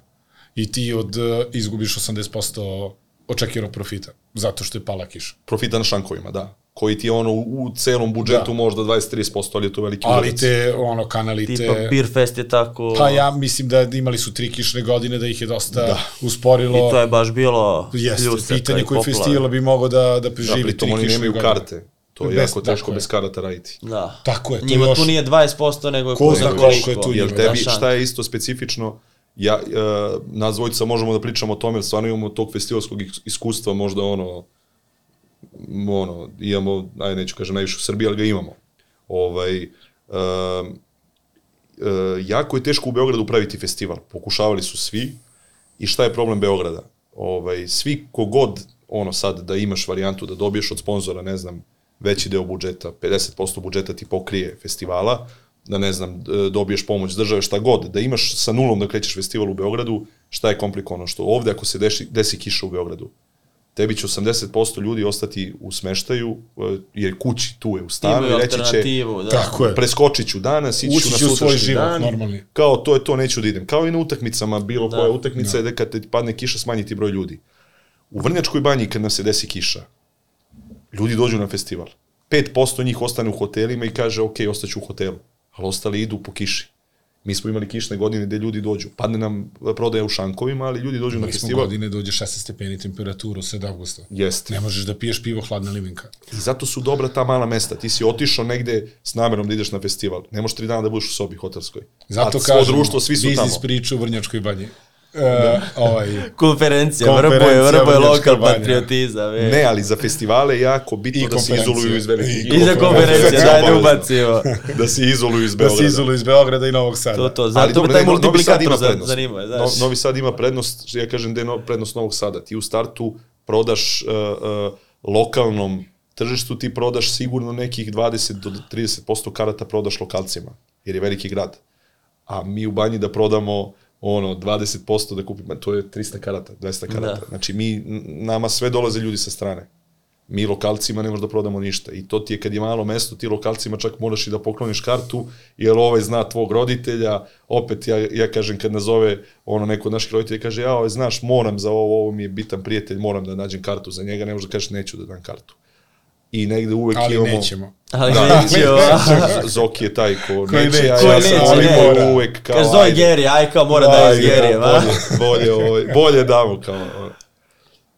Ali Ne- dobro. Neki ide, znači festivalski deo, kupili ste avijator, korona, šta se tu deša, malo prpa? Rebranding, do, lep plan, lepo smo imali, hvala Bogu, slobodnog vremena u toj koroni, ono koliko, 3-4 meseca, sedimo u kući i razmišljamo, evo smo napravili lep, on će priča dalje, da kako da lagano prevedemo avijator u kafeteriju, da ne poremetimo, da ne izgubimo tržište to kad se bude vratilo, a da opet moramo da budemo mi, jer je stvarno operativna noćna mora bila, imaš kao dve firme, različite menije, drugo, drugačije korporativne kulture. Jedno ozbiljno iskustvo koje bi platio opet da prođem u tom akviziciji, jer znam da kroz život i budućnost će nama to da treba. Na kontra strani ili na drugoj strani, ali je stvarno svako mora da prođe to. Neku akviziciju ozbiljno da uradi sa ozbiljnim advokatskim kancelarijama, sa ozbiljnim revizorima, sa due, due diligence-om. Baš je, ono, jedno lepo biznis iskustvo. A kad si spomenuo sad taj branding, jer ti si pričao da ste napravili jedan test, uzeli ste no name lokal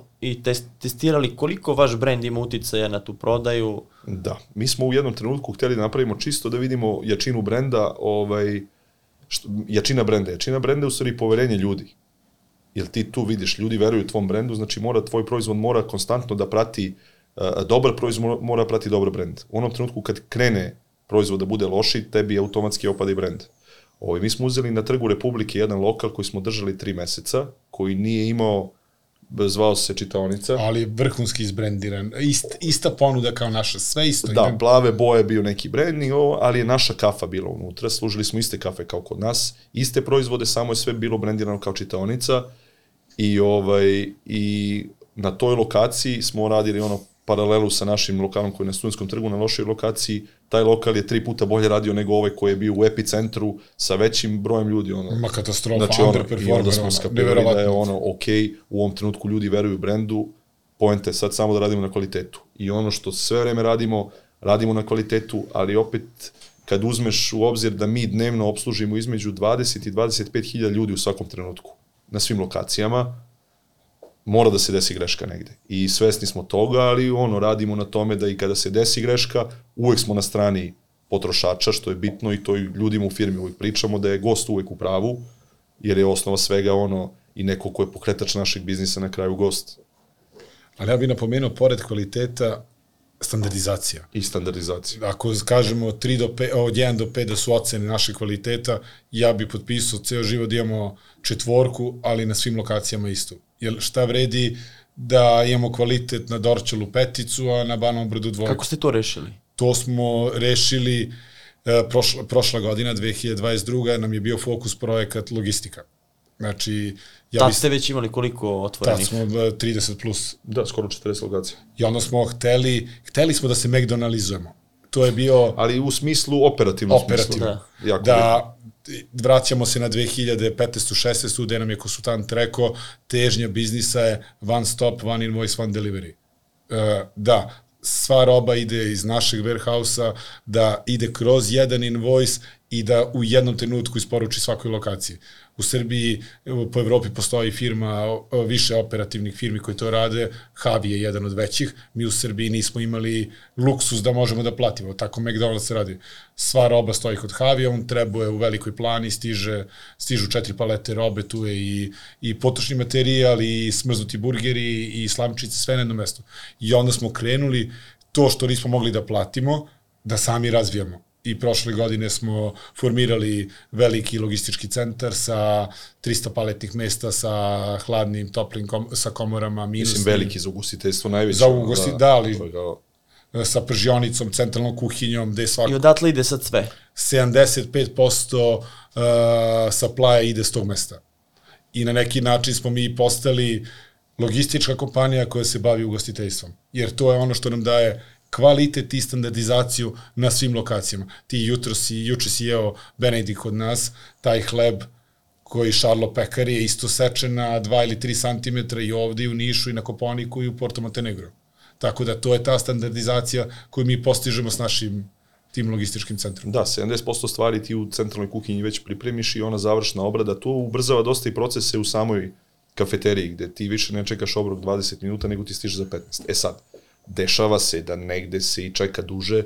Ja opet kažem, na tržištu nikad teže nije bilo za, za ovaj, naći radnike nego sada, pogotovo što, što ovaj, eh, Hrvatska toliko ljudi odvuče za vreme sezone da ti ne možeš, ti pripremiš radnika, cele sezone ga pripremaš i onda ti dođe recimo, evo sad, mart, april, maj, oni već polako počinju da odlaze u Hrvatsku, a ti mora držiš kao nivo usluge na najvišem ono, nivou. Nije, nije realno. Pričao sam baš sa, sa Zokijem u tom delu gde se izbacuje taj, ono, taj kontakt i taj najslabija karika, taj konobar, gde ide naručivanje, samo imaš osobu koja, koja donosi. Tu u Srbiji nisam video da...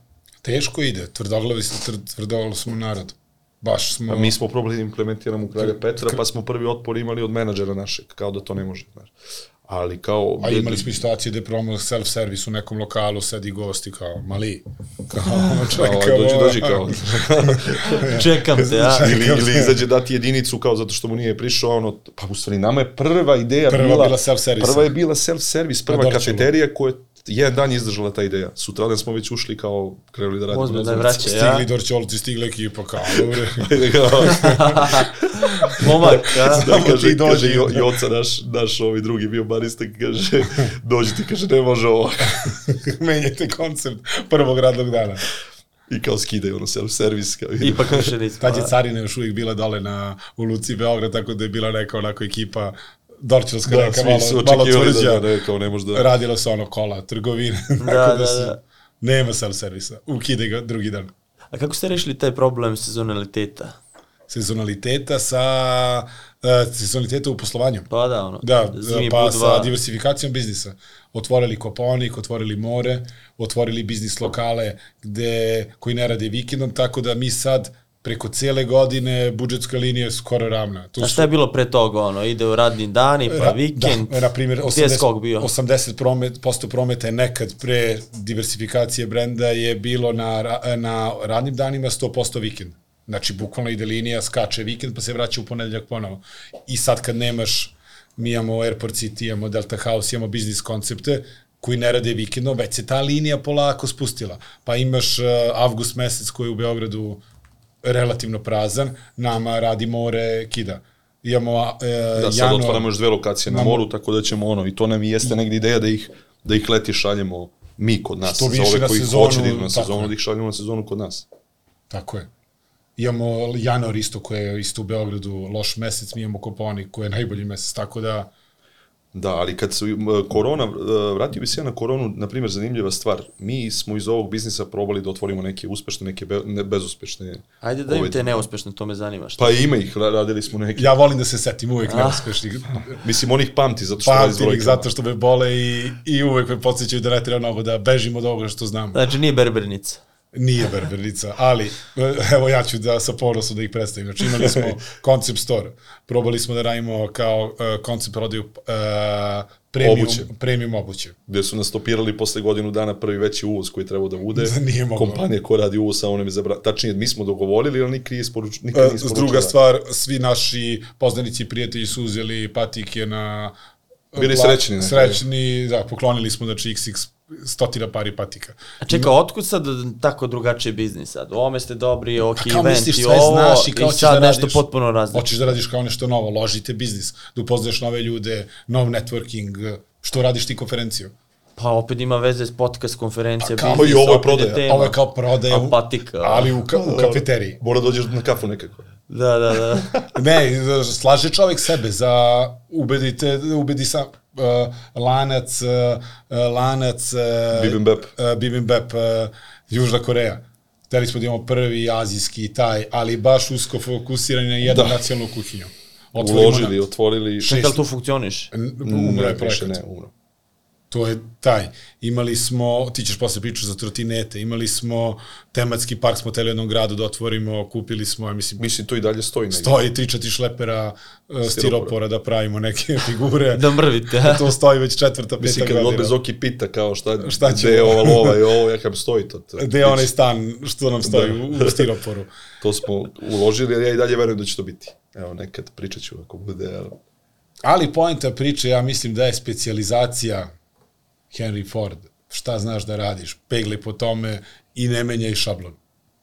Ali vuku te uvek nove stvari. Vuku te, Jednostavno mora budeš te vuku. jači od sebe. Nekako ono, veruješ da kao, ok, zasitio si se u nekom biznisu, mislim, mi se nismo zasitili, mi idemo dosta i, i, ovaj, i, i po Južnoj Americi i Africi i tražimo nove kafe i to je ono što nas sad negde, ja kažem, i vodi kad odeš, upoznaš farmera koji ti prodaje kafu i kad vidiš njegovu radost kad te vidi da si došao iz Evrope baš kod njega na farmu da testiraš ili mu pokažeš slike njegove kafe kod nas u Beogradu, stvarno neprocenjivo. I svaki put kreći naš drug Luka koji radi video, pravi jedan after movie uvek od toga.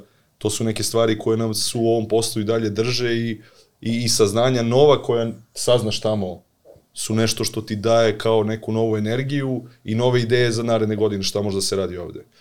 A ovaj trotineta bi se ono vratio bi se na trotinete, ovaj pre korone smo mi krenuli sa jednom doba, mislim sa jednom globalnom firmom, ali eto ona je igrom slučaja naš prijatelj je jedan od suvlasnika te firme u Beogradu i hteli smo da otvorimo one trotinete u Beogradu prvi.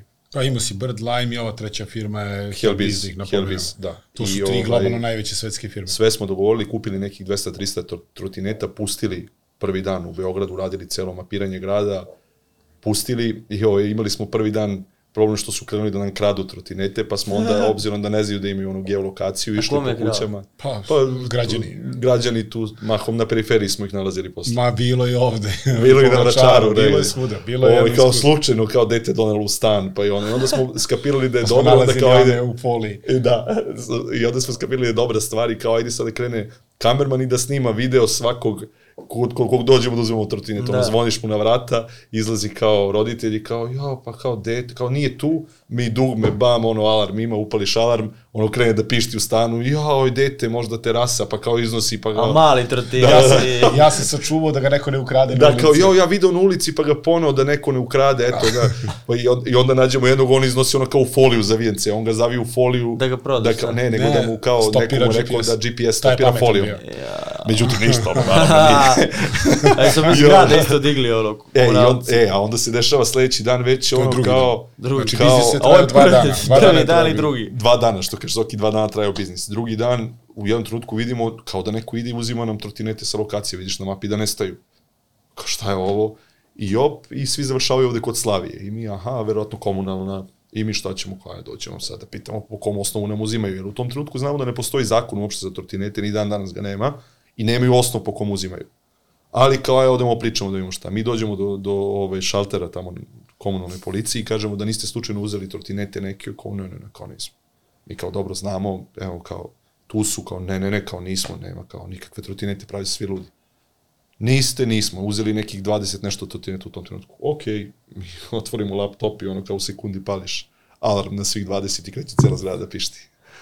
I onda kao tu se pojavljuje neki dalje načelnik u tom trenutku, kao ajde da vidimo, kao znate vi da radite kao mi kao ne po kom osnovu i on kao ne postoji zakon, čim ne postoji zakon ne možeš da radite po gradu, treba padne dete da ono polomi ruku i s jedne strane ima ima da. ono logike sve što je rekao i ono kao ne postoji kao aj na koji način kao ako izlobirate ili ako se desi zakon mi možemo da vam damo dozvolu u gradu da radite dok god ne postoji zakon kao ovaj naš ne može da radite i mi krenemo u tu proceduru kao lobiranja na neki način da jer realno taj zakon mora se donese nevezano od nas za trotinete ali dan danas imate situaciju da da prvo imaš trotinete koji idu 70 80 km na sat nikoga ne prepoznaje znači zakonski on ne postoji nema registraciju pitanje je da li nosi kacigu da li možda povredi nekog u saobraćaju da li možda ugrozi saobraćaj znači taj zakon ne postoji mora se donese nevezano sad od ovog što smo mi probali a prošlo je već evo sad tri godine kako smo to krenuli.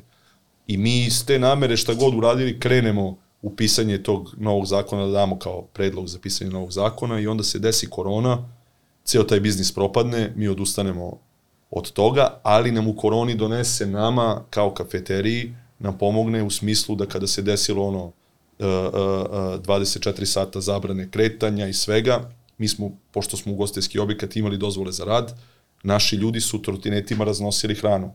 I na taj način negde spasimo iz tog neuspelog biznisa spasimo postojeći biznis koliko toliko sad nije nama to vratilo Zaposlenima smo dali da idu na posao. zaposlenima da pošto nije bilo prevoza i tu iskoristimo taj neuspeli biznis da kažem ne Zoki ga stavlja u kategoriju neuspelih ja bih ga zadržao da ipak u neku ruku uspeo kao nešto je zadržao kao vratio je Ćete nam prodati nekoliko ovih Pa trotineta? prodali smo. Prodali sve smo ste sve. prodali. Po discountu ozbiljno. A, ovo rekao.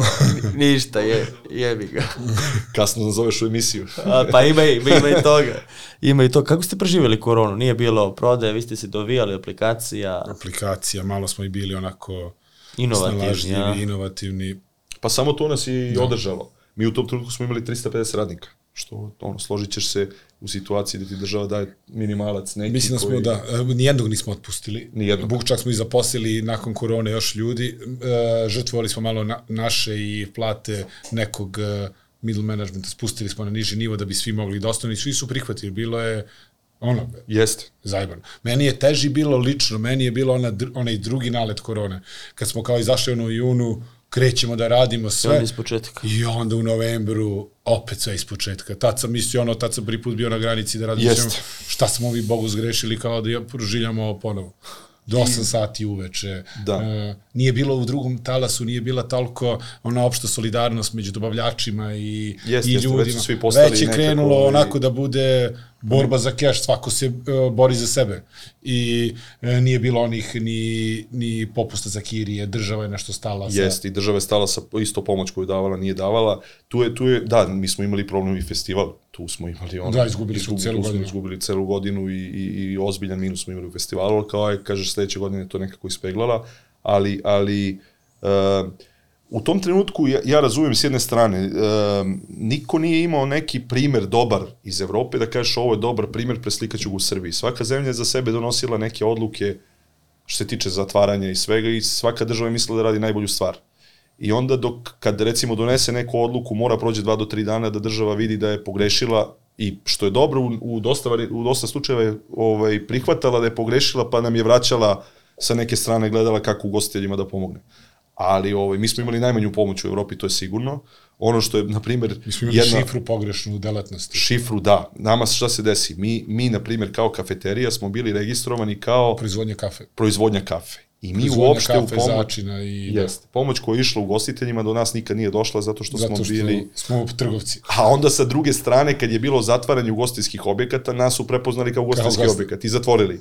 I imaš s jedne strane ne da ti da radiš, jer si kao ugostitelj, ugostitelji, ali ugostiteljski objekat, a sa druge strane ne dobiješ pomoć jer nisi ugostiteljski objekat. I Ali to- toliko je bila realno ta pomoć da Ne, značila je- bi, ali nije jeste, nešto sad presudno. A, ali kao nisi je dobio. I onda smo mi kao šta ćemo, kao ok, aj krećemo šaltersku prodaju. Aplikacija, naručivanje i onda kad su svima zabranili da radi, mi smo radili to ove šalterska prodaja i, i poručivanje preko aplikacije gde si na neki način izigrao zakon. Izigrao zato što ti dozvoljava poručivanje, ali kao ne da ti da radiš. I to je trajalo sedam dana, onda je država donala novu odluku da je zabranila šaltersku prodaju, Samo je mogla delivery. Da, samo je mogla dostava gde smo onda napravili mi da možeš da poručiš i kao neko ti samo da, kao opet smo na neki Mislim, način... ludo vreme je bilo. Dođeš da. ispred lokala i, neka, i kaže, kucaš e, kapućino i kao konobar ti tamo kao vidi i napravi ti I kapućino. napraviti kapućino i donese. Mislim, dovijanje je jedno da bi opstali. Nije to bilo dovijanje da bi pravili profit, jer mi, ono, A prošle godine smo tek izašli, uh, u drugom kvartalu smo izašli iz korone. iz korone, da, Zvanično. ispeglali sve dugove koje smo imali. Uh, ono, znaš, kad se nagomilalo, završili sve i sad smo ono, kao, nema više korone. I to i pokazuje po gradu, dosta praznih lokala pokazuje da većina njih nije uspela se izbori na kraju s koronom. Jer ne, nisu ljudi zatvarali lokale u koroni, U koroni, nego su zatvarali 6 do 8 meseci nakon korone. Tad su skapirali da ti u stvari vučeš dugove i da to ne možeš ispegla. Ali, ali uh, uh, vraćam se do toga da da, država nije dozvolila tu šaltersku prodaju, a onda imaš pored nas, na primjer je hleb i kifle, pored nas prodaje kafu, kao pekara, dozvoljeno mu je, a nama kao prodavcu kafe nije dozvoljeno prodaje na šalterima kafu onda imaš pumpu koja je blizu nas prodaje kafu u trenutku, nama nije dozvoljeno da prodajemo kafu. I u jednom trenutku smo oni ja rekli, ok, ono, idemo ovu varijantu s aplikacijom, makar po cenu bili uhapšeni da ono radimo nešto protivzakonito, jer više nema smisla. Ja sam tad čak i dao intervju za ono na, na, za novine i televiziju da nema smisla da nama kojima je osnovna delatnost prodaja kafe, nije dozvoljeno da prodajemo kafu, a pumpi i pekari pored mene je dozvoljeno ili brzoj hrani. U tom trenutku brze hrane su se pretvorile u gostinske objekte i svi su prodavali i viski i ovo, kao a mi koji treba radimo to ne možemo da radimo. Ali dobro, opet to je nešto što se dešavalo, pa se u 7 do 10 dana menjalo. Onda je država donala odluku da ipak može šalterska prodaja, pa ali jedno dovijanje, ja kažem, jedan period koji je kao Platili smo ratno i stanje. kazni, evo sad smo po sudovima, po Novom Sadu, po Nišu. Da, dole. platili smo i kazne. Velike koje on. Ali to vreme ste iskoristili za branding, ubacili ste pored one zelene i roze boju. E, jeste. Tu smo prvi put otvorili jednu novu boju koja nije bila ono aktualna u tom trenutku. Pored zelene smo otvorili rozu koja je sad postala deo. To je kao ta baby puder roza koja je prihvatljiva. Napravili čaše za poneti gde smo se prvi put zezali da li će kao muškarac da uzme roze čašu za poneti. Cijela kampanja je bila nova, rebranding Da, iskoristili smo za radili. rebrand. Da, i, i šta je dobro što tu smo uzeli avijator, ono što je Zoki malo preko, se vratimo na taj rebranding, na koji način smo zadržali postojeće ovaj, mušterije avijatora i samo dodali nove naše. Jako je bitno da kad uzmete neki uh, brand, ne rebrandirate ga u istom trenutku i pretvorite u nešto vaše. Jer time plašite prvo zaposlene, šta će se desiti sa njima kad se pojavite kao novi. Mi smo tu imali gard zaposlenih koji su onako bili... Da, da, da, kao došli su, kupit će nas, otpustit će nas sve. Ne, ajde na neki napravo HR je imao zadatak 7 dana da samo priča sa njima, da im kaže da će biti deo. Pa ajde polako da ih uvedemo, mi imamo neku grupu kao kafeterija familija, pa imamo uh, u firmi, inače taj HR naš je dobro razvijen, da imamo i uh, futbal, imamo našu ekipu u futbolu, biznis ligi, imamo karte za festivale, karte za bioskop. Gledamo da negde na, naši, naši zaposleni su između 20 i 28 do 30 godina najstariji i onda sad ti mladim ljudima mora nađeš neku zabavu dodatno. Znači da nije to samo su biznis, nego daj da vidimo na koji način da se osjećaju kao da su deo jedne velike familije. I većina njih se tako i osjeća i to Pa je negde tajna. ljudi studiraju i žive taj život. Niko od njih ne, ne dolazi u kafeteriju da mu bude posao da će da, da dočeka penziju. Jeste. Ti Jeste. mladi ljudi. I onda želimo to vreme koje provode s nama da im bude najlepše moguće. Jeste. Da imaju jedno lepo vreme da uvek možda kaže, e, kao pre ovog skrenuo sam u kafeteriji. I stvarno tako gledamo. Sad, na, da li smo došli do tog nivoa da je stvarno tako, ne znam, ali ja Ali gledam po da našim li neko- zaposlenima koji da. su i napravili neke karijere, a radili su kod nas ranije, uvek pričaju sa, ono, lepo sećanje imaju na to vreme iz kafeterije, što je super. Ovaj, uh, uh, ali se da, vraćam na onaj rebranding. I onda smo na koji način? Ajde, pošto je avijator bio plave boje, mi smo zeleni, ajde krenut ćemo ovako. Prvo ćemo logo avijator da prebacimo iz plave boje u zelenu. Ostaće isto avijator tri meseca, ali će biti sve zeleno. Znači onaj plavi krug sa slovom A, će biti zeleni krug sa slovom A i proizvode koje imamo naše ćemo polako ubacivati u avijator. I tako smo i krenuli. Idemo sve zeleno i onda jedan proizvod drugi iz njihovih šoljica se pije naša kafa i to je trajalo tri meseca. Onda je sledeći korak bio Kafeterija avijator. kafeterija avijator, da. I onda smo posle šest meseci ga polako pretvorili u kafeteriju. Znači jedan lagani onako... A gde ste videli to? Ste videli negde tu? Pa, mislim, i- ono, kao ja, ja sam završio dizajn, kasnije se više bavio marketingom, nekako sam, ono, čitaš knjige, učiš i vidiš da je to kao A jedini dobar normalan... primer po meni je NIS Gazprom. Jeste, niz Gazprom Oni su nas primer. polako preveli u Gazprom, mi ne znamo da, da je otišlo iz NIS-a u Jeste, Gazprom. jeste, jeste, to je super primer, da, baš si uzeo kao dobar primer. Ona- Kod kod nas, da si kod vidio na A tržištu. i pre toga imamo za ove starije Jugopetrol NIS. Ž, uh, iz uh, žutog u plavo. Ili Da. šta je bio NIS, ne znam nija. Da.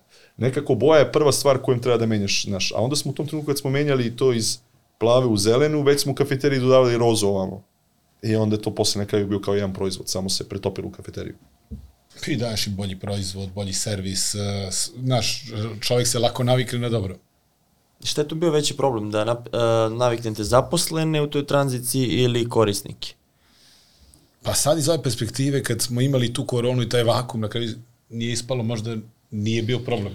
Jer zadržao si ljude u najgorem vremenu, niko nije napustio uh, firmu tih 3-6 meseci koliko je bilo, tako da zaposleni su bili zahvalni jer smo i dalje tu. No, neko novih je preuzeo i nastavio da radi sa njima. Da. A da, i ako pitanje šta bi bilo da... A na nekim lokacijama avijatorima smo dodali kuhinje, e, dali smo bolji, bolji kvalitet, ako smo već digli 150% promet, tako da je dokaz da potrošači su sigurno zadovoljni. Kada, kada imate ovoliki broj kafeterija, rekli ste da mi je ono jedna od najvažnijih stvari ta nabavka, direktor nabavke i logistika i da se taj profit pravi na tim, da kažem, uštedama i na toj matematici, da za sledeću godinu pogodiš tačno koliko će biti nabavki. Nisam te, moraš sad da mi... Št, uh, pitanje bi bilo u, u smislu da li, je, da li su najveće uštede u U- stvari u toj na, nabavci, da li u stvari u najveća količini, zarada pa u da. uštedama, da, da. da. Pa li gledaj, najveća- mnogo je prosto, mi od 100% biznisa, uh, mi zaradimo 13. Znači mi potrošimo 87%. Da.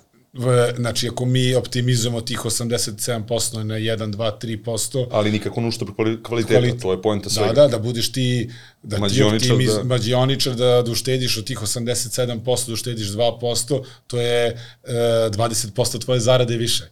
Koliko je prosto. A šta treba da uradiš da bi, da bi podigao sale za 20%? Skoro nemoguću misiju da otvoriš ono, 7 lokala i Ne, mora da u postojećim lokalima da digneš, Da da, digneš. digneš. što nije, sem ako ne, ne dižeš cene, a to nije realno. Znaš. Mi smo čak izdržali, ja mislim da smo poslednji digli cene. Cene. od svih, to je bila negde strategija za ovu godinu, da poslednji podignemo cene. Znači mi smo do, do pa oktobra meseca skoro izdržali sa starim cenama. Kad su svi počeli da dižu cene, mi smo i dalje imali stare cene, bili smo možda najjeftiniji u gradu. Ne možda, nego bili smo Pa najjeftiniji. mi, mi hedžamo kafu, nam, nama je kafa sad hedžovana za 2024.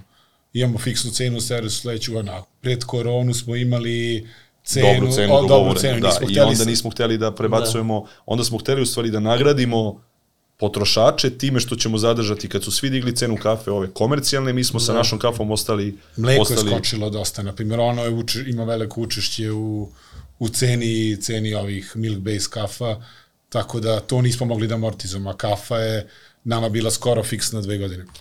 Pričali smo ono kad dođe korisnik popije kafu dve, imaš tu vrednost potrošačke korpe, ne možeš da dižeš ono cenu nešto drastično, ne može ni da popije pet kafa i onda su tu ta dodavanja, da dodamo doručak, da vrednost potrošačke korpe raste. Šta su onda tu planovi za, za dalje? Ono, rekli smo da se pozicionira kao mesto za doručak, pa onda dalje kasnije za Ja bih rekao smo mi pobedili u tom mestu za doručak. To je već ono, opšte prihvatljiva stvar. 13, 15, ne, mislim da 14 kuhinja imamo u Beogradu.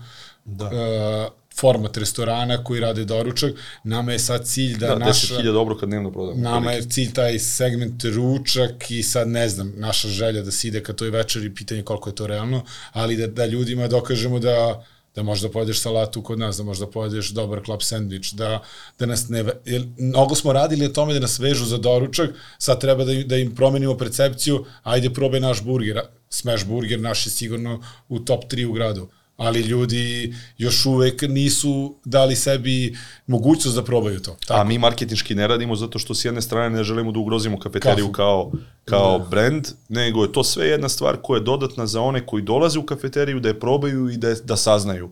Jer smo provalili negde da je uh, to od usta do usta, kad ljudi pričaju da je nešto dobro, bolje nego kad mu ja namećem sad već kao dobru stvar. Ja ću da mu namećem kafu koju sam doneo novu, za koju znam da je fenomenalna, ja ću nju da je guram kao do, dobar nov proizvod, a sve ostalo stvari koje će onda saznaje da istražuje i da saznaje, da kaže, ej, našao sam dobru stvar u kafeteriji, idem tamo zbog toga. I to Naš mi je- veganski meni, ja mislim da ono u rangu je sa, sa ovim uh, restoranima koji se bave organskom hranom i zdravom hranom.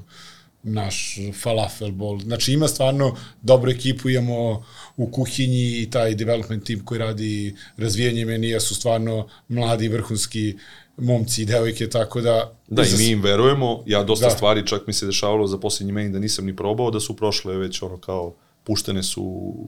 Neke ovaj, stvari su ispred vremena. E, forsiramo neki proizvod koji je in u Evropi, kod nas će tek stići, mi ga pustimo i čekamo. Kao na primjer.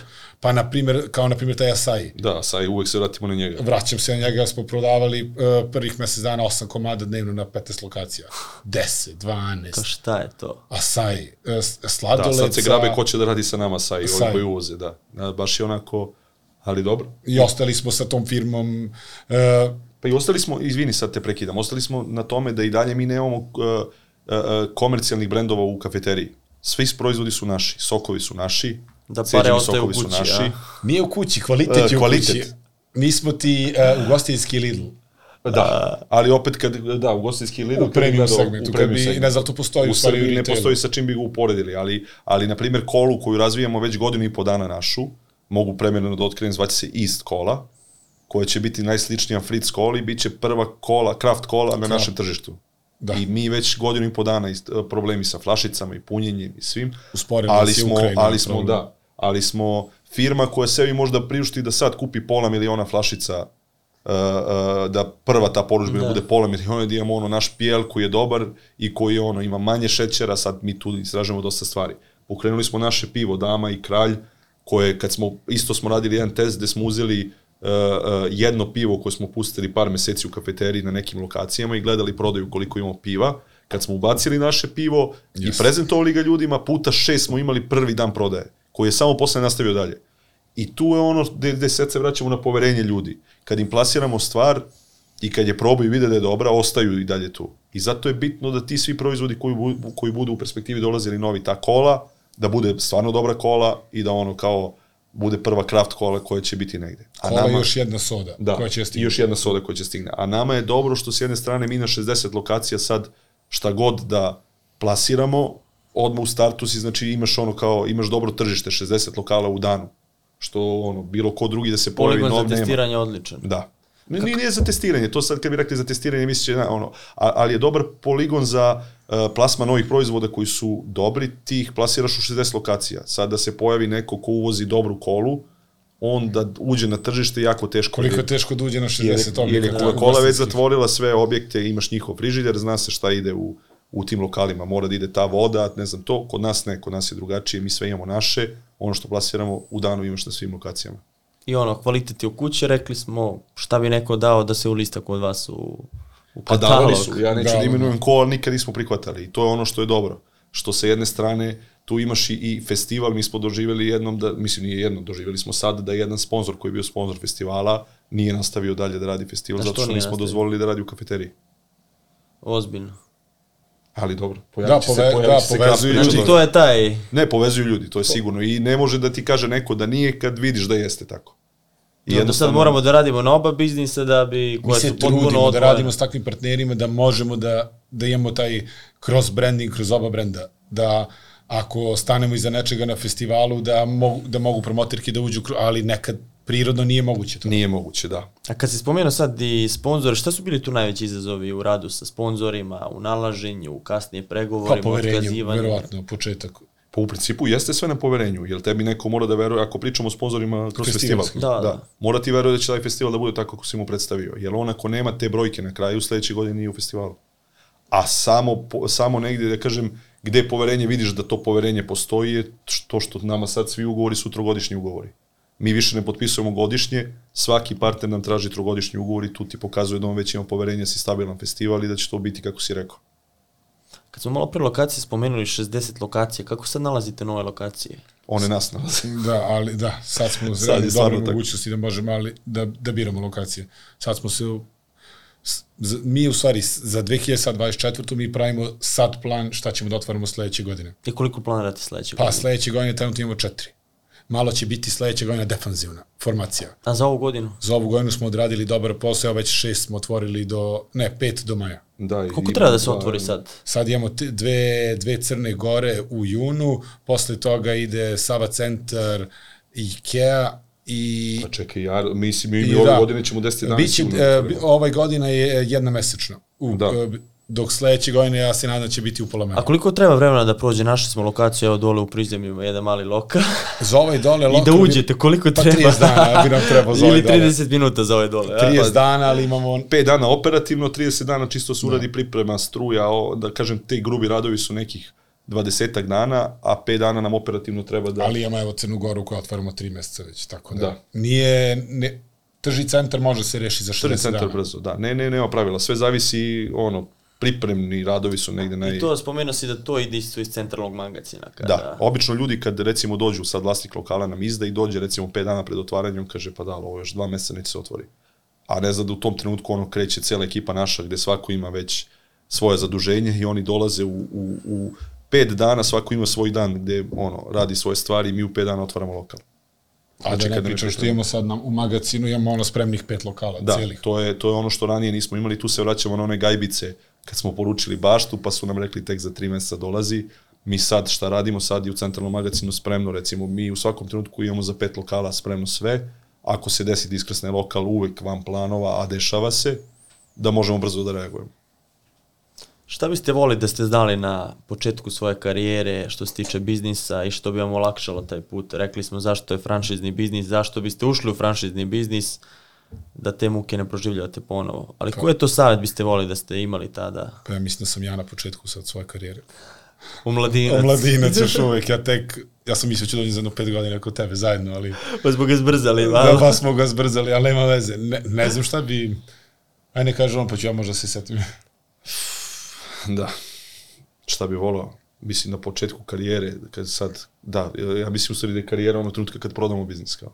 Tu smo onda nešto napravili, ovo i dalje gradimo, što Pa to je vaš problem što niste hteli da fazi prodajete, dalje, jeste imali ponude, što Da, niste ne, prodali. karijera traje. Ovaj, da, traje, ali šta bi, pa da, nekako neke odluke koje uvek gledaš finansijski u startu da su ti ono kao staviš budžet za, za marketing ove godine ili ne znam, ono kao 100.000 eura primjera radi ili ne znam, on kaže za ne znam, to su nam, i sad to deluje na papiru, deluje mnogo, a u stvari u praksi je to sve treba uvek platiti, jer to sve na kraju i kad probaš da uštediš kao na tim stvarima, na kraju dođe na naplatu da ne možeš da uštediš na nekim. Znači sve ono negde kako ga projektuješ, što kaže on, ajde da ga projektujemo makar i pogrešili, znaćemo sledeće godine smo pogrešili. Treba projektovati i treba se, treba se držati toga. Ako uspemo tu da uštedimo, ok, ali mahom je to, jer mi smo nekako uvek išli uh, uh, tim težim putem, da kad neko nam pošalje neku ponudu za nešto da radi, mi vidimo da to košta, na primjer, XY para, nas dvojica kažemo, da, bre, tu radit ćemo sami za mnogo manje para. A to sami je u stvari... To je sami duplo skuplje. Duplo jeste. skuplje zato što trošimo vreme na banalne stvari gde se ja bavim ono stolarijom, a ne treba se bavim stolarijom ili ne znam izgradnjom sad, nečega. da, ali kad sluša klinac ovo 20 godina, jebi ga. neće Da, da, radi mora- fit out sa kompanijom koja mu uzima 500 Jeste. evra po Ali kvadratu. to je sve nešto Sve gde učiš, mora- to, to mora... prođeš kroz to. Jer mi smo, mi na festivalu smo pravili neke aktivacije koje nam je neko poslao da koštaju 100.000, mi ih napravimo za 50.000, ali taj stres i to šta proživiš na kraju i onda dodatni troškovi, to dođe na 85-90 hiljada, znači uštedo si 10 hiljada, da li vredi tih 10 hiljada? Znači, ne, vredi. sagledavanje uh, celokupne slike bi bio zaključak. I sad biste Da. ušli u franšizu neku. U, sa- sada bi ušao u franšizu, zato kažem, ono na početku što sam rekao, pre bi ušao u franšizu zato što mi je lakše sad sa ove tačke gledišta da platim, gde mi je već neko postavio gde su greške i gde ne treba gubim, nego da ga ponovo od nule gradim. Pa mi premjerno, neću kažem koji brend, ali mi ulazimo s dva u budućnosti brenda u Srbiji, da, dva internacionalna brenda. Jedan znam. Da, a drugi posle njega stiže. Tako da tu mi vidimo kafeteriju kao neku platformu sa svim našim resursima koja će moći da, da vodi, da pegla druge brendove na ovom našem ne, ne, nerazvijenom tržištu. Jer mi od brendova, šta imamo trenutno kao zemlja od 6 miliona ljudi, imamo McDonald's, imamo KFC i Vapiano i Starbucks. Znači imamo četiri brenda uh, u Srbiji. Znači ima prostor za sigurno još 5 do 10 brendova različitih, samo što nema operatera. Da, i novi biznisi će nam više ići ka tome, ka ugostiteljstvu, nego nešto novo skroz da počinjemo. Jer smo i tu videli da trošimo ono i ljude i sve, a kao da ulaziš u neki skroz novi biznis, nema. Ovo je ono što znamo da radimo, bar ja mislim da znamo da, da radimo. Vreme će još da pokaže, ali kao fokus će biti na ugostiteljstvu. Ništa cipele, trotineti. Ništa, cipe. O, o, I tematski parkovi. Nego sad kad si rekao, setio sam se šta bi moglo da bude kao neki punchline. Imam dve poruke sam sebi sam u kancelariji. Jedna na ulazu, jedna pored mene. Prva je uh, motivacijona poruka ovog generala Patona. Uh, nesavršen plan danas je bolji nego savršen plan sutra. Znači, to je jedna moja, ono, radim, grešim, radim, grešim, ali radim. Ne razmišljam mnogo. A druga je uh, uh, growth is, uh, is outcome, not strategy. To sebe podsjećam uvek da ne možemo mi da kažemo da ćemo imamo 100 lokala za godinu dana, jer to možemo da srušimo ovih 60 dole. Ono mora da dođe kao posledica rada, strukture, uh, celog sistema. I to ja mislim da je možda problem uh, budućnosti koji, koji čeka uh, Srbiju i ove, ne, na primjer, investicione fondove sad, koji ulaze polako. Oni svi ulaze i imaju onaj uh, rok pet godina da izađu iz tog biznisa. I on mu daje, ti moraš da se da. dupliraš, tripliraš za pet godina. A pitanje je da li može uh, postojeća srpska infrastruktura da iznese da ti tripliraš naš biznis za... A knjige, koje biste preporučili knjige iz oblasti biznisa ili neke knjige ne moraju da budu iz biznisa koje su na vas ostavili? Pa ja imam jednu knjigu što kupujem svima za rođendane, krštenja, to je Shoe Dog. Fila Nike. Zato da. ste vi ušli u biznis sa cipelama i patikama. Pa nije zbog toga, ali je dobra priča. Uvek sebe nekako, u svakoj stranici sam nekako našao neku svoju priču kada uh, dobra preporuka i ako možda sam ti, možda sam i poklonio svak, nekom i po dva puta tu yes, knjigu. Meni se dva Svaki godine ići. Meni dva Ja nešto volim, tu propišem posvetu, to mi je, to mi je ono, za biznis omiljena. Dobra je, na primjer, isto uh, osnivaču, o CEO Walt Disneya, to je baš dobra priča sa, zaboravio sam ime, mi, ali je, naći će ljudi pa imamo kako je radio 5-6 velikih akvizicija, mrđeva, šta je sve pokupovao uh, po Hollywoodu, a van biznisa, sad sam nešto u gasu, čitam Dinu. I tako sam se navukao, ono, devet delova. Znači... Na kom si sad? Sad sam na četvrtom. Upa, dobro si. Ali je dobro, i tu ima I tu je mog mlađeg sina navuku, morali smo film da gledamo. Ozbiljno. da, da, da, to je... Ovo. Tako, eto, to su moje neke, ono, preporuke. Ove, da, ja bi možda osnivač Nike, ali bi pre preporučio da gledaju tvoje podcaste, jer ja sam se navukao pre ono 20 dana kad smo se prvi put čuli i ima zanimljivih priča i mislim da ono mladi treba gledaju, ono izvući će svako od njih što kaže na kraju neku pouku ono, nas desetak da čuje, naći će nešto što možda u tom trenutku on radi i kaže, ok, ovo mi je možda Koja je tebi put. najbolja legla, ono, priča, biznis priča? Pa vidi se, zanimljive su mi, ja, ja, svaka mi je drugačija, što to mi se sviđa, na primjer. Nekako nisam ih vezao, zanimljiv mi je ovo Miško Ražnatović, što je isto kao, ok mi je, ovo što sam te pitao malo pre isto, za ovog gospodina što radi... Nemanja Militari. Da, Nemanja Militari, onda ovaj... Vlada je dobar bio, da, Milan Mandarić, genijalan. Babić isto zanimljiv da, skroz. Da. Ok, super, mi je Cvija, ono, i prijatelj moj, njegovu priču sam već negde znao, ali opet kad čuješ... Malo je onako, nafilovo, o- o- kaže. o- Nije, nije, nije, nije, on je ono, takav je i super mi je ono, isto mi je super. Ta njihova priča mi je isto ono, zato što znam da su negde kao i mi krenuli ni iz čega, kreneš i ono kao praviš. Bitno je da, da i mladi ono, klinci sad skapiraju da možeš da praviš biznis u Beogradu. Mi kad smo se vratili, on je napustio posao u Svetskoj banci gde je imao za to vreme platu mnogo dobro, on je dao otkaz. Ja sam se vratio, ja sam negde donao odluku isto bio da se vraćam iz Milana da živim u Beogradu. Ovo tržište je dobro tržište. I ako imate zanimljiv proizvod i vidite da ljudi prihvataju taj proizvod i držite negde kvalitet, ono, možeš, možeš napraviti biznis ovde. Uopšte nije, nekako uvek ti svi pričaju da ako nisi iz nekog ono političkog tog dela, ako nemaš političku podršku, ne možeš da praviš. Možeš da praviš. Mislim, možda su to 90. godine i 2000. donosile da se biznismeni isključivo iz politike rađaju. Ja mislim da je sad ono jedno novo vreme došlo, pogotovo što je Beograd zanimljiv strancima, mi to kroz festival znamo. Mi smo im kao jedan Berlin sad, onako. Baš smo ne, ne, zanimljivi smo svakom strancu koji dođe ovde i kroz Kralja Petra mi imamo preko 35% poručbina su nam stranci. Što je jako, i to iz dana u dan raste mislim, broj. sad su 80%. Sad su 80 sa dolaskom Rusa, i Rusa ostalo, da. Ukrajinaca, Da. Ali, ali smo zanimljivo tržište, pogotovo to sad kroz festival mi vidimo da tu je rast stranaca ono veliki. E sad, što tebi u stvari e, dolazak stranaca ovde diže i cene ovaj, e, e, i u jednom trenutku će to doći do prezasi- prezasićenja. Sad, kad će to biti, ne znamo, ali restorani u Beogradu su došli u rang sa cenama restorana po Evropi. Da. Neka smo bili srećni za koji kvalitet jedemo, za koji Jeste, novac. sad je ovo već postalo da, razlike Da, neke. da. ja evo kreni od sebe, Ko, koliko puta kažeš sebi, uh, šta sam platio, koliko ovo košta, kao, jer ovo realno da u Beogradu plaćamo. Osim u kafeteriji, to i dalje jeftino. e, ali ne, ne, mislim, stvarno jeste jeftino. Ti u kafeteriji sad izvedeš nekog, ovaj, nije da radi našu promociju, ali da izvedeš nekog sad na neki jaja. kao ručak ili šta god, ono. Kaže, evo, ručak, ali, ali uzmite, kaže, Ne, uzmite ali kao, omlet. ispada, ispada ti po našoj nekoj računici, ti ispada 800-900 dinara po osobi. Da klopaš, kao što je okej. Okay. Pa okej. Okay, Sem ako ti Zoki ne doda dodatni proizvod kao mafin, kao ajde, Tri kafe, mafin, a? Organsko jaje.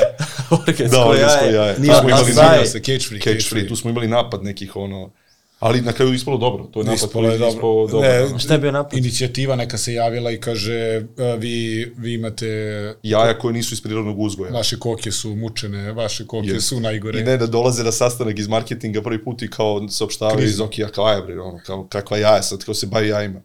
Kao imamo ono kao upite, Udruženja, pišu nam komentare, ko, kao, i mi opet ono kao, sutradan ponovo tema sastanka kao jaja, kao, ko se bavi jajima, šta je, i onda nam objasne da su jaja koje mi kupujemo, jaja koje nisu iz prirodnog uzgoja, što jeste, ti kad na tržištu kupuješ jaja, dogovaraš, znaš, ti ne vodiš računa da su iz prirodnog uzgoja. A šta je prirodni uzgoj? Da, Da kokoška šetaju. može da šeta, da su jaja iz prirode i ostalo. Ali, taj, priro, taj cage free jaje, na kraju kad uđeš u suštinu, nema ona dva hektara, desetak, 15 kvadrata. Dobro, ali, ali je s jedne Ali strane je logično. Šta, logično. šta je? Mi kasnije kad smo malo dublje, jer nekako tu uvek kad ti neko kaže nešto, sad dosta stvari ti kao ne možeš se baviš sad svime. Ali kao je ušli u neku dubinu, ispostavi se da jaja koje kupujemo inače po, po ovaj, uh, marketima, su kokoške, kokoška bi u principu trebala sad, ajde da ne ono, neko ko se bavi time zna bolje, se. ali ja ću sad da, ja ću da kažem ono što sam ja čuo pa ću preneti.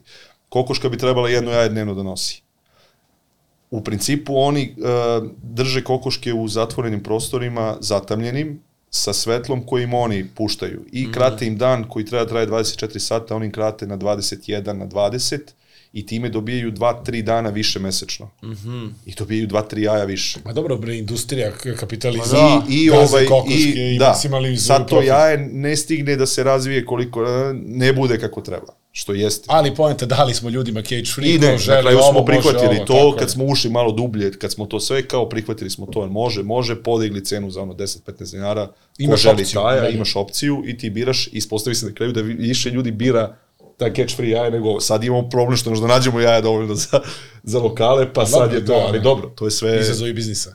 Znači, oni imaju svoj lobby.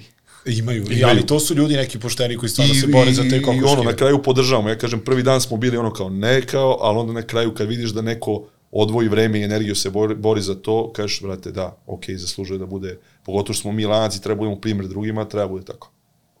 Svaka čast. Ekipo, hvala vam što ste bili gosti biznis smo ga priča. odradili. Jesmo, a, bravo. Čekaj još malo, a? A, ma dosta, djeva dosta.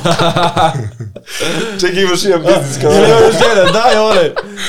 Sunce ti. Ne, ne, da mi kažeš samo razliku između ugostiteljstva. Zašto to ugostiteljstvo nije isto kao... to ćemo za sledeći put. Vidimo se u narodnoj biznis Za priči. tri godine.